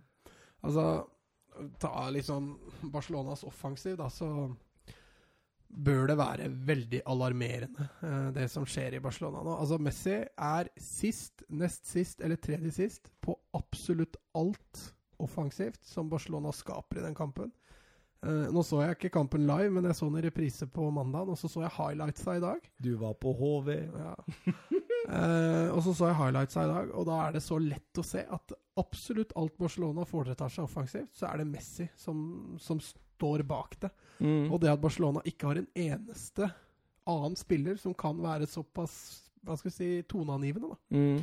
Han får ikke noe avlastning. Nei, altså, han må jo gjøre alt Men, offensivt. men er det litt sånn uh, taktikk blitt? Ja, at altså- ballen til Messi, og så Ja. ordner han det? Altså, du har jo i mine øyne tidenes beste fotballspiller på laget. Det er klart han skal ha ballen mer enn alle andre, men Messi er jo ikke Han, han er jo ikke en alien. Han, han får jo ikke til hver gang. Og han får jo ikke noe avlastning. Han må, han må ordne det sjøl. Og det så du også i første omgang, at Barcelona skapte ingenting offensivt før. Messi begynte å våkne litt. Grann. Ja, det er ikke rart med Coutinho ute av form og Altså Roberto. Han har vært ute av form i to år, da. Det er snart på tide å begynne å finne en form. Ja, eller finne en annen klubb. Ja, mest sannsynlig det siste, ja. Ja, lukter det Newcastle United? Ja, kanskje vi har en ny kandidat der. ja. ja, eh, men til pause, da. da. Nå må Valverde finne på noe. Mm. Og det han finner på, det er at han eh, får inn Vidal og Malcolm. Malcolm, Mm. som jeg syns egentlig var litt frisk. Ja, men han har, altså Malcolm er ganske sånn, hva skal jeg si, oppofrende. Han vil mye, da. Men det er mye dårlige valg. Det er uh, altså litt for mye vilje og litt for lite evne, rett og slett. Ja, så han, eh, tar han ut Semedo og Arthur. Eh, Semedo eh, viker og Roberto går ned på høyrebekken.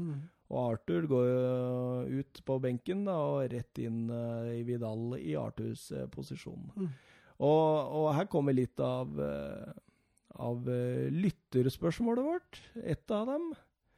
Det handler litt om eh, hvorfor i alle dager Valverde bruker Rakitic eh, før han bruker på en måte at at Arthur blir satt vekk. Ja, til altså, fordel for Rakitic så ma- mange ganger. Hvorfor gjør han det? Ja, altså Barcelona har jo, sånn jeg ser det, fire indreløpere. Altså egentlig fem, da. Roberto er jo utgangspunkt utgangspunktet indreløper, men han brukes jo aldri der. Men de har Rakitic, de har Arthur, de har Alenya, og de har Vidal. Vidal og Rakitic er altså de er jo ikke like spilletyper, men, men allikevel ganske like. Uh, med mye kapasitet, uh, mye vilje, mye innsats. Og Alenya er også litt i den gata der. Så Arthur er vel egentlig den eneste spilleren på midtbanen som er litt atypisk de tre andre. Og sånn sett så er jeg egentlig ganske enig i at Arthur har fått for lite kred og for lite spilletid, og bør eh, få mer sjansen. Han er vel den spilleren Barcelona per dags dato har som ligner mest på Xavi. Ja, men kan- uten så mye kreativitet. Ja, altså, Nå snakker jeg om å diktere tempo i kampene. Ja, ja. Uh, jeg er helt enig. altså Offensivt så tør han ikke, eller tør han ikke, han har ikke den kreativiteten da, til, å, til å gjøre de avgjørende spillene. Mm. Men, men du ser han har det. Mm. Uh, han har bare ikke turt å bruke den, og du så det jo også mot Valencia. Han hadde noen forsøk å spille gjennom, det har han jo ikke turt å gjøre før. Så jeg tror han kan bli, kan bli ekstremt god. Mm. Uh, når det gjelder det byttet han gjør der, så jeg skjønner det ikke helt, jeg heller. Uh, nå får du to ganske like indreløpere i Rakitic og Vidal. Du mister uh, litt kreativitet i Arthur, og overlater egentlig da all kreativitet til Messi og til dels Busquets. Eh, Når du etterlater kreativitet i Busquets. Jo, han, altså Busquets er overraskende kreativ, hvis du følger litt med på han. Han kan fint tre og stikke gjennom noen baller, han òg, men, Jo, jo, han, han, men- Er, for- han er for dypt i banen til å gjøre det ofte. Ja. Men eh, jeg ville heller foreslått da å dytte Rakitic ned eh, dyp, og så heller kjørt Busquets eh, høyere i banen. Mhm. Eh, jeg tror jeg heller ville, Når han først velger å ta ut Arthur, så ville jeg også gjort den uh, rokeringa. Men står det så dårlig tilt, altså? Stilt eh, der når, eh, når eh, Suárez er ute, og Dembélé? At det liksom Altså, Dembélé er et tap. vi snakker, du, snakker, du snakker liksom Skyver Busquets fram, eller Alenia, liksom, som du, man knapt nok har hørt om, egentlig, hvis du ikke følger med Barcelona. Altså, ja, da nevnte jeg Alenia som en lik spilletype, da. Så litt Jo, jo, men altså, jo, jo, men han kom kommer jo inn, han òg. Mm. Men, men på midtbanen så er det ganske dårlig stilt. Uh, altså, nå er jo Barcelona-supportere ganske bortskjemt, da. Eh, Kevin Prince. Ja. Mm. Men du har jo altså, du har hatt Xavi, du har hatt Iniesta, du Ja, har hatt Tiago, du har hatt Mm. Fabregas. Nå sitter du der med Rakitic, du sitter der med Vidal, du sitter der med, med Arthur og Alenya, Mm. som ikke er ferdige produkter. Eh, og det Altså, Rakitic og Vidal er et godt stykke unna kvaliteten Xavi, Niesta, Busk, nei, Fabregas og Tiago har offensivt. Ja, ja, ja, ja. Milevis. Eh, milevis. Og det er klart, jeg respekterer jo på mange måter at Valverde har lagt om stilen litt i Barcelona. Fra å være Tiki Taka, mm, veldig possession-orientert, til å bli litt mer direkte, litt mer eh, defensivt orientert. Nettopp fordi han har ikke de spillertypene Barcelona eh, hadde når de spilte på sitt aller, aller beste under Guardiola og Villanova. Men eh, du som kjenner Barcelona og veit hvor det skorter i forhold til ja, spillestil og hva de trenger eh, Nevn eh, tre spillere, da, hvis du hadde hatt liksom budsjett ut av en annen verden. Nå, nå kommer jo godeste Ja, altså Frenkie de Jong blir eh, Jeg tror han blir en forsterkning. Han er Altså Han er en spiller som kan fint diktere tempo. Han, han løper mer. Han, han er en god erstatter for, for Rakitic. Mm. Representerer litt mer Basha Tiki Taka-fotballen enn det Rakitic gjør. Samtidig som han også dekker over at Rakitic Altså mange Styrken til Rakitic er jo kapasiteten hans. Han mm. løper jo enormt mye. Ja. Eh, men det gjør også de Jong, så han, han dekker fint over der. Eh, I tillegg så bør Barcelona vurdere en ny kantspiller. Coutinho holder jo ikke mål. Hvem ser du for deg da? Ja, altså Der har de ikke så mange alternativer. Jeg syns jo fortsatt det er litt kjipt at Neymar ikke er i Barca. Mm. Han, eh, han passa jo for så vidt greit inn der, men uh, samtidig så var det jo et litt uromoment. Eh, Mbappen. da. Han ville jo selvfølgelig passe inn. Han passer jo inn overalt. Ja. Uh, men han ville jo vært strålende. Uh, men det det, det er litt sånn utopisk. Jo, jo, men jeg, nå snakka jeg liksom sånn du fikk uh, overgangsbudsjettet fra himmelen. Mm. Ja, altså da, De Jong tror jeg nok jeg hadde henta uansett. Og så hadde jeg henta hjem igjen Tiago. Uh, Tiago, der kom han. det var den jeg venta litt på. ja, altså, han er jo den midtbanespilleren i verden med nærmest Barca-DNA. Ja, ja. Det er jo ikke så rart. Han er jo født og oppvokst i Barcelona. Eh, Han burde jo ha spilt i Barcelona nå, egentlig. Og så Det er litt trist. Ja, jeg syns det er veldig Ja, trist eh, at han ikke er der. Han passer jo som fot i hanske, eller hva man sier for noe. Og så, godt du aldri var keeper. ja. og så Nei, Mbappé hadde jo sikkert vært en, vært en bra forsterkning der. Også Dembélé. Og så fått inn Jovic uh, som spiss, tror jeg det passa. Suárez har sett sine beste dager uh, for en stund siden. Og så Men må du ikke gjøre noe med det forsvaret? Va? Jo, men jeg syns jo det er veldig rart at Umtiti Ja, Altså- det syns jeg òg. forrige sesong kanskje en av verdens aller beste stoppere Ja, og i VM var han jo Ja, altså, bunnsolid. Sleit han jo i høst med skader, ville ikke operere. Eh, valgte heller litt alternativ eh, imot Bashas eh, anbefaling. Og etter det så har han jo ikke vært fast. Han har bare fått spille mm, Bare fått spille eh, de uviktige kampene. Og så eh, Nei, så, men, men en høyrebekk må Barcelona få inn, og der tenker jeg kanskje at uh, at Hector Beyerin uh, kanskje er det beste alternativet. De har vel en av verdens beste keepere i, i Ter Stegen. Så en høyrebekk, en stopper, eh, to indreløpere, en midtspiss og en kant. Ja, det hørtes eh, bra ut. Ja. Det var ikke bare tre spillere der, men eh, nei, det er, de må gjennom litt om, omveltninger der, altså, fordi de må eh, De må gjøre om litt, faktisk. De kan ikke forvente å spille Tiki Taka-fotball med spillere som, som ikke er gode nok til det, rett og slett. Nei, for Valverde spiller jo ikke Tiki Taka. Da må du Nei, men igjen, da, altså- kicke 71! Det Ja, han har i hvert fall troa uansett, da, i Ja. forhold til åssen spillemateriale han har. Men, eh, men jeg er litt sånn enig med Valverde. Hvis du ikke har spillemateriale til å spille Tiki Taka, så må du legge litt taktikken deretter. Og så er det Barcelona sin oppgave å hente riktige spillere. Barcelona har jo vært fantastisk dårlige på å spille. Spiller Manchester City mer Tiki Taka enn Barcelona? Tidvis så gjør de det, ja. Ja, Betis spiller jo tidvis mer Tiki Taka enn ja eh, for, for du ser også City også danner jo disse trekantene. Pep Guardiola-trekantene hele veien der. Mm. Og Der er jo ikke Barcelona lenger. Nei. Nesten i det hele tatt. Nei, for de står veldig og tråkker på ball. Ja, altså det er mye støttepasninger og, og vending av spill. Og så eh, li- Litt mer gjennombruddssissig med Valverde enn det det var med Guardiola. Men, men å skape overtall i midten, det, det er ikke så ofte du ser lenger med, med Barcelona. Men uh, andreomgangen da, Mats. Det bedrer jo seg. Barcelona hever seg. Og det, jeg vet ikke om Valverde kjefta dem huden full, eller hva som, hva som skjedde der. Men han fikk jo i hvert fall litt effekt for byttene sine med å få, Ja, få litt Malcolm, ja. ja, med, med Malcolm. Få litt mer eh, hurtig og ja. For jeg syns ikke Vidal var god. Nei, Vidal prega ikke noe særlig. Men han, var mye inne i boks, da. Så han har tydeligvis fått beskjed om at eh, du skal inn i boksen. Jo, men han har vært mye i boks generelt i år. Ja, Det er litt Han- rart. han har er litt sånn boks til boks, Forandra seg veldig fra Juventus-tida. Han er litt sånn boks-til-boks-spiller, vært i Barcelona i hvert fall. Ja, ja. Jeg husker jo han som litt sånn der steina Litt sånn Nangola-type. Ja. Ja, nå har jo Nangolan flytta mer offensivt òg det siste, men, men eh, Og Messi tar jo mer og mer tak. Ja, altså igjen så er vi jo tilbake til det at det Barcelona skaper, er det jo Messi som, som skaper. Men den etter 55 minutter der, når han uh, meier den i stolpen der det der, Ja. der, der gjør han alt sjøl! Med utsida, ja. Hadde han brukt innsida, så hadde det jo vært mål, men eh, Ja, men tror du ikke han har blitt eh, Hvis han hadde brukt innsida, tror du ikke han hadde blitt uh, blokkert? Jo, det kan godt hende at han gjør den vurderinga, at det, det blir det eneste riktige. Men eh, nei, forarbeidet før avslutninga er jo nydelig. Prakt, praktfullt. Ja, det, Det er ikke så mange spillere i verden som gjør det, faktisk. Vi snakka om at vi skulle på sentralpuben og ta slalåmbrus. Ja, Messi han kjørte slalåm med ball. Ja, han hadde allerede drikket den brusen. Eller ikke, for det der han er. Jeg bare wow! det, var helt, det var helt episk, faktisk. Nydelig. Det er bare Messi i verden som kan akkurat det der. Det er jeg ganske sikker på. Mm.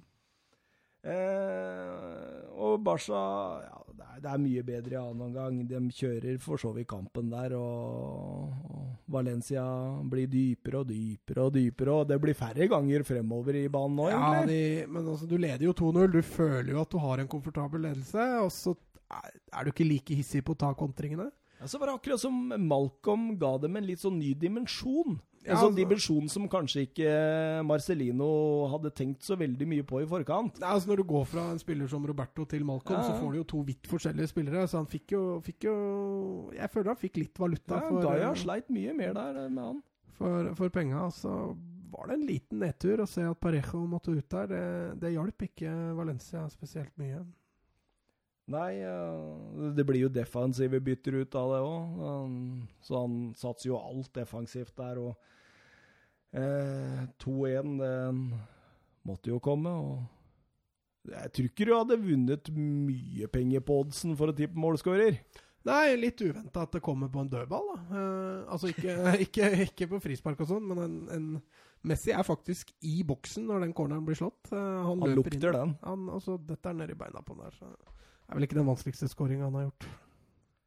Nei, absolutt ikke. Men uh, etter den uh, eh, 2-1-skåringen så, så blir Altså, Valencia fortsetter, bare ligger dypt, tar imot, tar imot hele tida. Men uh, og så skal de prøve å ta den ultimate kontringen, og den får jo GDC på slutten der. Mm. det, det, er en voldsom sjanse. Ja, Geders har jo fart òg, da. Det er jo en kontringsspiller nummer én, egentlig, i La Liga, tror jeg. Med den farta og det laget han spiller for, så passer han egentlig godt i Valencia. Altså. Da var det større sjanse for 3-1 på slutten der enn uh, en 2-2, mener jeg. Ja, det ble litt desperasjon der, men igjen da, så da er vi litt tilbake igjen til det at Barcelona har ikke gode nok spillere på benken til å kunne Nei. forandre eller, eller true enda mer, da. Altså, jeg så litt på den benken Barcelona hadde, ja. hvor spillere ikke kom inn. Altså, det er en, det er en Perez og en, uh, og en Soteres som ja, jeg tenkte det samme. Vet du hva? Det, når uh, Tottenham sleit i første oppgjøret mot uh, Ajax, ja. så tenkte jeg akkurat det samme, for da var jo Kane ute og Sissok og, liksom, og Det var mange av de faste og offensive, og, som gjør at benken blir jo automatisk svekka når førsteelveren er svekka, ikke sant? Mm. Og da får du så mange Eller så færre. mye færre strenger. alternativer og strenger å spille på, som gjør at du kan faktisk eh, snu denne matchen. da. Mm. Altså, dine taktiske disposisjoner blir, eh, blir veldig begrensa. Mm. Og det, det, det, la jeg merke til, at det var litt av den samme greia. For jeg gikk også inn på Fotmob, og så så jeg jeg må se den benken der. Mm. Og så var det sånn Nei. Altså, altså nei. Han har igjen ett bytte der, og, og, velger å gjøre det Velger å ta, ta Alenia for Rakitic. Og det du gjør da, var jo som jeg sier, du bytter jo ut én spiller med de ferdighetene, og så setter du inn en spiller som har veldig mye av de samme uh, egenskapene. Uh, og så er det jo da altså De spillerne som ikke blir bytta inn, er jo Umtiti Fermalen og Inyaki Penya, som er reservekeeper. Og så er det jo da Carles Perez, som har én offisiell A-lagskamp for Barcelona. Så Nei, det var ikke så mange strenger å spille på. Han fikk jo litt valuta for pengene for Malcolm, men hadde da ikke det siste alternativet som kunne Man kunne jo satt inn eh, Fermalen og så brukt eh, Piquet som eh, oppspillspunkt. Jo, det har vi sett før at Barcelona har prøvd, men det ligger jo veldig langt inne for Barcelona. Begynner ja. å slå langt, da. Jo, jo, det er, det er jo det helt motsatte. Så, det var det jeg tenkte altså. når, Allegri, når de begynte å snakke om Allegri til Barcelona i dag, pga. den uh, Valverde-greia. Så tenkte jeg at nei, nei det, Nei, altså Allegri syns jeg heller ikke har en, noen ting å gjøre i Barcelona. Han blir er, som Horneland i Rosenborg. Altså, han er egentlig bare en litt verre utgave av Valverde. Valverde er jo en taktikk i, i utgangspunktet. En taktikk i hvert fall, selv om han ikke har fått vist det til sin fulle i Barcelona. Så, så er jo Allegri i enda større grad en taktiker. Så nei, jeg tror ikke Allegri hadde passa inn der i det hele tatt, faktisk. Kanskje han går til Chelsea? For der går Frank Lampard. Ja, Frank, Frank, eh, Frank tar den jobben, så det tror jeg ikke. Ja, nei, så skal vi gratulere Valencia med taktisk godt gjennomført kamp. Ja, jeg tror Marcelino var veldig godt fornøyd med ja. seg sjøl og laget sitt etter den kampen, så Som sagt, mest imponert over uh, evnen laget hadde til å ta kontringene, ja, og når de uh, virkelig hadde dem, og så det å avbryte og prøve å holde ball. fordi altså, Det er tydelig det at de var jo veldig opptatt av også å ikke miste ball unødvendig. For de skjønte det at jo mer Barcelona hadde ball, jo lavere ble de liggende. Og det mm. så du utover i annen omgang. Altså, det er jo verdt å nevne at Barca hadde 78 ballinnehav. og ja, ja. Og de hadde 22, og Barcelona hadde 26 avslutninger, og Valencia hadde 8. Så At uh, Litt flatterende resultat er det jo, men uh, allikevel, når du ser kampen, så, så syns du allikevel at Valencia fortjente å få noe ut av det. For det var et disiplinert Valencia-lag mm. og en gjennomført godt taktisk plan av Marcelino. Det er en god sesong av Valencia. Semifinalen i Europa League, fjerdeplass i La Liga og eh, Copa del Rey-mestere. Ja, han har tatt Altså, han gjorde jo en fantastisk debutsesong med Valencia i fjor. Sikra Champions League da. I år har han tatt et nytt steg, hvis vi kan kalle det det. Blir jo ble riktignok nok en fjerdeplass i La Liga, og kanskje enda litt lenger unna seriegullet enn denne var i fjor. Men Europa League-semifinale og Copa del Rey-seier, det smaker nok veldig godt. Han er jo kanskje litt undervurdert som trener, eh, Marcelino. Gjorde det også bra med Villarreal før han eh, overraskende fikk fyken for et par år siden. Så hører jeg Rodrigo bli linka til Napoli. Ja. Uh, Napoli har jo for vane å hente spanske spillere, dem. Så det er ikke sikkert det er helt utenkelig. Valencia har ikke en bunnløs uh, sekk. Nå har de jo begynt med stadionprosjektet sitt igjen, så da ryker vel de på litt større lån. Så det blir vel ikke store spillekjøp fra den kanten uh, de neste åra. Skal vi dra fantasy? Ja. Skal jeg begynne? Ja. Ja, Jeg er jo en såkalt Messi-fanboy, da, så mine tre går til Messi. Eh, altså, som jeg var inne på, jeg sier det igjen, eh, alt Barcelona skaper, er det han som skaper. Eh, ja, så veldig mye mer å si er det vel ikke om den saken. Eh, Rodrigo får to. Jeg syns han er såpass frisk og er Altså en av få grunner til at Valencia faktisk greier å vinne dette. Han har en god arbeidsmoral, han er farlig i boksen, han er ofte villig på løpa og strekker og drar i det Barcelona-laget på Valencia kontrer. Veldig god. Ja, jeg syns han gjorde en uh, bra match. Uh, siste poenget var uh, Der var jeg mye fram og tilbake. Det var først og fremst Soler, Geders, Parejo, men, men men også Nå står det helt stille. Nå er det seint, altså. ja, nei, uansett, det var Soler som fikk det siste ja. poenget. Ene og alene. En fin avslutning på en dårlig sesong. Ja, Soler har hatt en veldig god mm. fremme, offensiv kurve, hvis vi kan kalle det det. Og den uh, assisten han gjør der, og blir jo på en måte deler av en matchvinnerlag sammen med Rodrigo der, som uh, skaffer 2-1. Ja. ja. Jeg har en litt annen liste. Eh, tre poeng. Eh, Parejo. Jeg har tatt over kjærligheten eh, du hadde. Eller du har den vel kanskje enda. Jeg skriver her eh, 64 minutter med styr, stell, diktering og lekenhet. Han er 100% vital i begge måla, i oppbygninga til begge måla til, til Valencia. Han er den som avgjør veldig ofte når det skal kontres og når ballen skal beholdes i laget. Og så har han denne lekenheten. ikke sant? Han, han drar av Arthur, han drar av Coutinho der, han leker litt rundt. Han, han, han er mye av hjertet i Valencia i det oppbyggende arbeidet. Det er... Og synd han bare fikk 64 minutter, men jeg, jeg likevel så gir jeg han de tre, altså. Jeg syns det var en stor kamp. Eh, to poeng. Ikke Messi. Garay. Garay, ja, han var ikke innpå i det hele tatt. Nei, og det, men han sto godt imot det presset der, altså.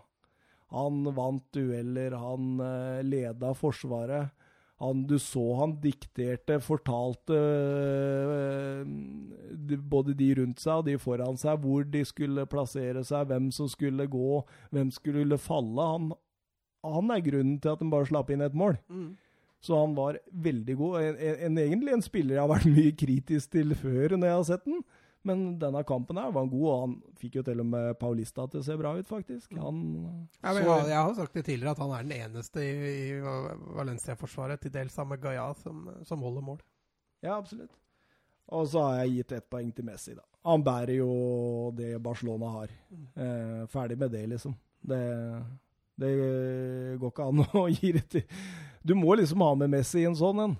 Så jeg, jeg, jeg, skrev her må sidestilles med andre spillere i, i en sånn vurdering. Altså, mm. altså, hvis du skjønner hva jeg mener ja. her, da. Altså, du, du, kan jo liksom ikke Fordi du forventer deg så ekstremt mye av Messi. Altså, han, At han ikke skårer tre, så er det jo ikke dermed sagt at uh, han ikke kan være på en sånn liste. Mm. Det er litt sånn. Uh, Messi leverer. Det men, men, det var litt med kroppsspråket der. Han var litt irritert, altså. Mm. Men det er litt sånn som Messi, da. Altså, du, jeg tenkte litt på det før og tenker liksom åh, i dag har Messi spilt en dårlig kamp. Og så kanskje du går tilbake og ser highlights. Så Oi! Oi. ja. Men fader, alt han gjør er jo egentlig ganske bra, men, men han mangla det ja. utenomjordiske som han gjør ganske overraskende ofte, da. Du har høyere Ja, forventninger, altså, du, ikke du forventer veldig mye, Ja. men, men hadde det vært en hvem som helst annen spiller som hadde gjort Ja. akkurat det han gjorde, så hadde du tenkt at å, fy fader, det var en bra kamp, ja, liksom. Så nei, forventningene står liksom ikke alltid i stil i forhold til hva han presterer, men uh, fortsatt så er skyhøyt nivå. Altså. Ha poden din bare seksere på skolen, så han kommer hjem med firer, så blir du skuffa, ikke sant? Ja. Men hvis det er, poden din er helt ordinær på skolen og kommer hjem med firer, så tenker du ja, det var, det var bra. Ja, ja. Og det er, det er jo litt sånn. Hvor lenge har vi holdt på nå? Ah, 1 time og 54 minutter. Oh, Vi kommer under to timer, da! ja. Så, eh, det er helt riktig. Vi hadde jo planer om å ta noen overgangssnacks, men da tar vi det neste gang. Det får vi ta en annen gang. Eh, klokka er 02.12, og vi har vel sagt det at vi skal ha en Champions League-preview klokka ni i morgen tidlig. Eh, nå, nå kommer ikke gjesten vår, fordi han eh, måtte på noe eh, Du dro på Heimevernet, og han dro på noe Telemarksbataljonsgreier. Mm. Eh, så han får vi ha til gode. For konge og fedreland. Så eh, vi, vi kan jo drøye den litt lenger ut på dagen. Ja, jeg syns det. Jeg, Kanskje i 10-11-ish. jeg, jeg er hjemme, jeg, så du får bare komme bort når du er klar. Jeg gjør det. Eh, og med de orda så kan vi jo egentlig bare si eh, ha det bra. Besøk gjerne eh, sentralpuben på Oslo S. Ja, og følg med på våre sosiale medier, så blir det en eh, spennende konkurranse ute. Cristiano Ronaldo. Signert sådan. Si! Med de orda sier vi eh, god natt og på gjensyn. Gjenhør. Gjenhør.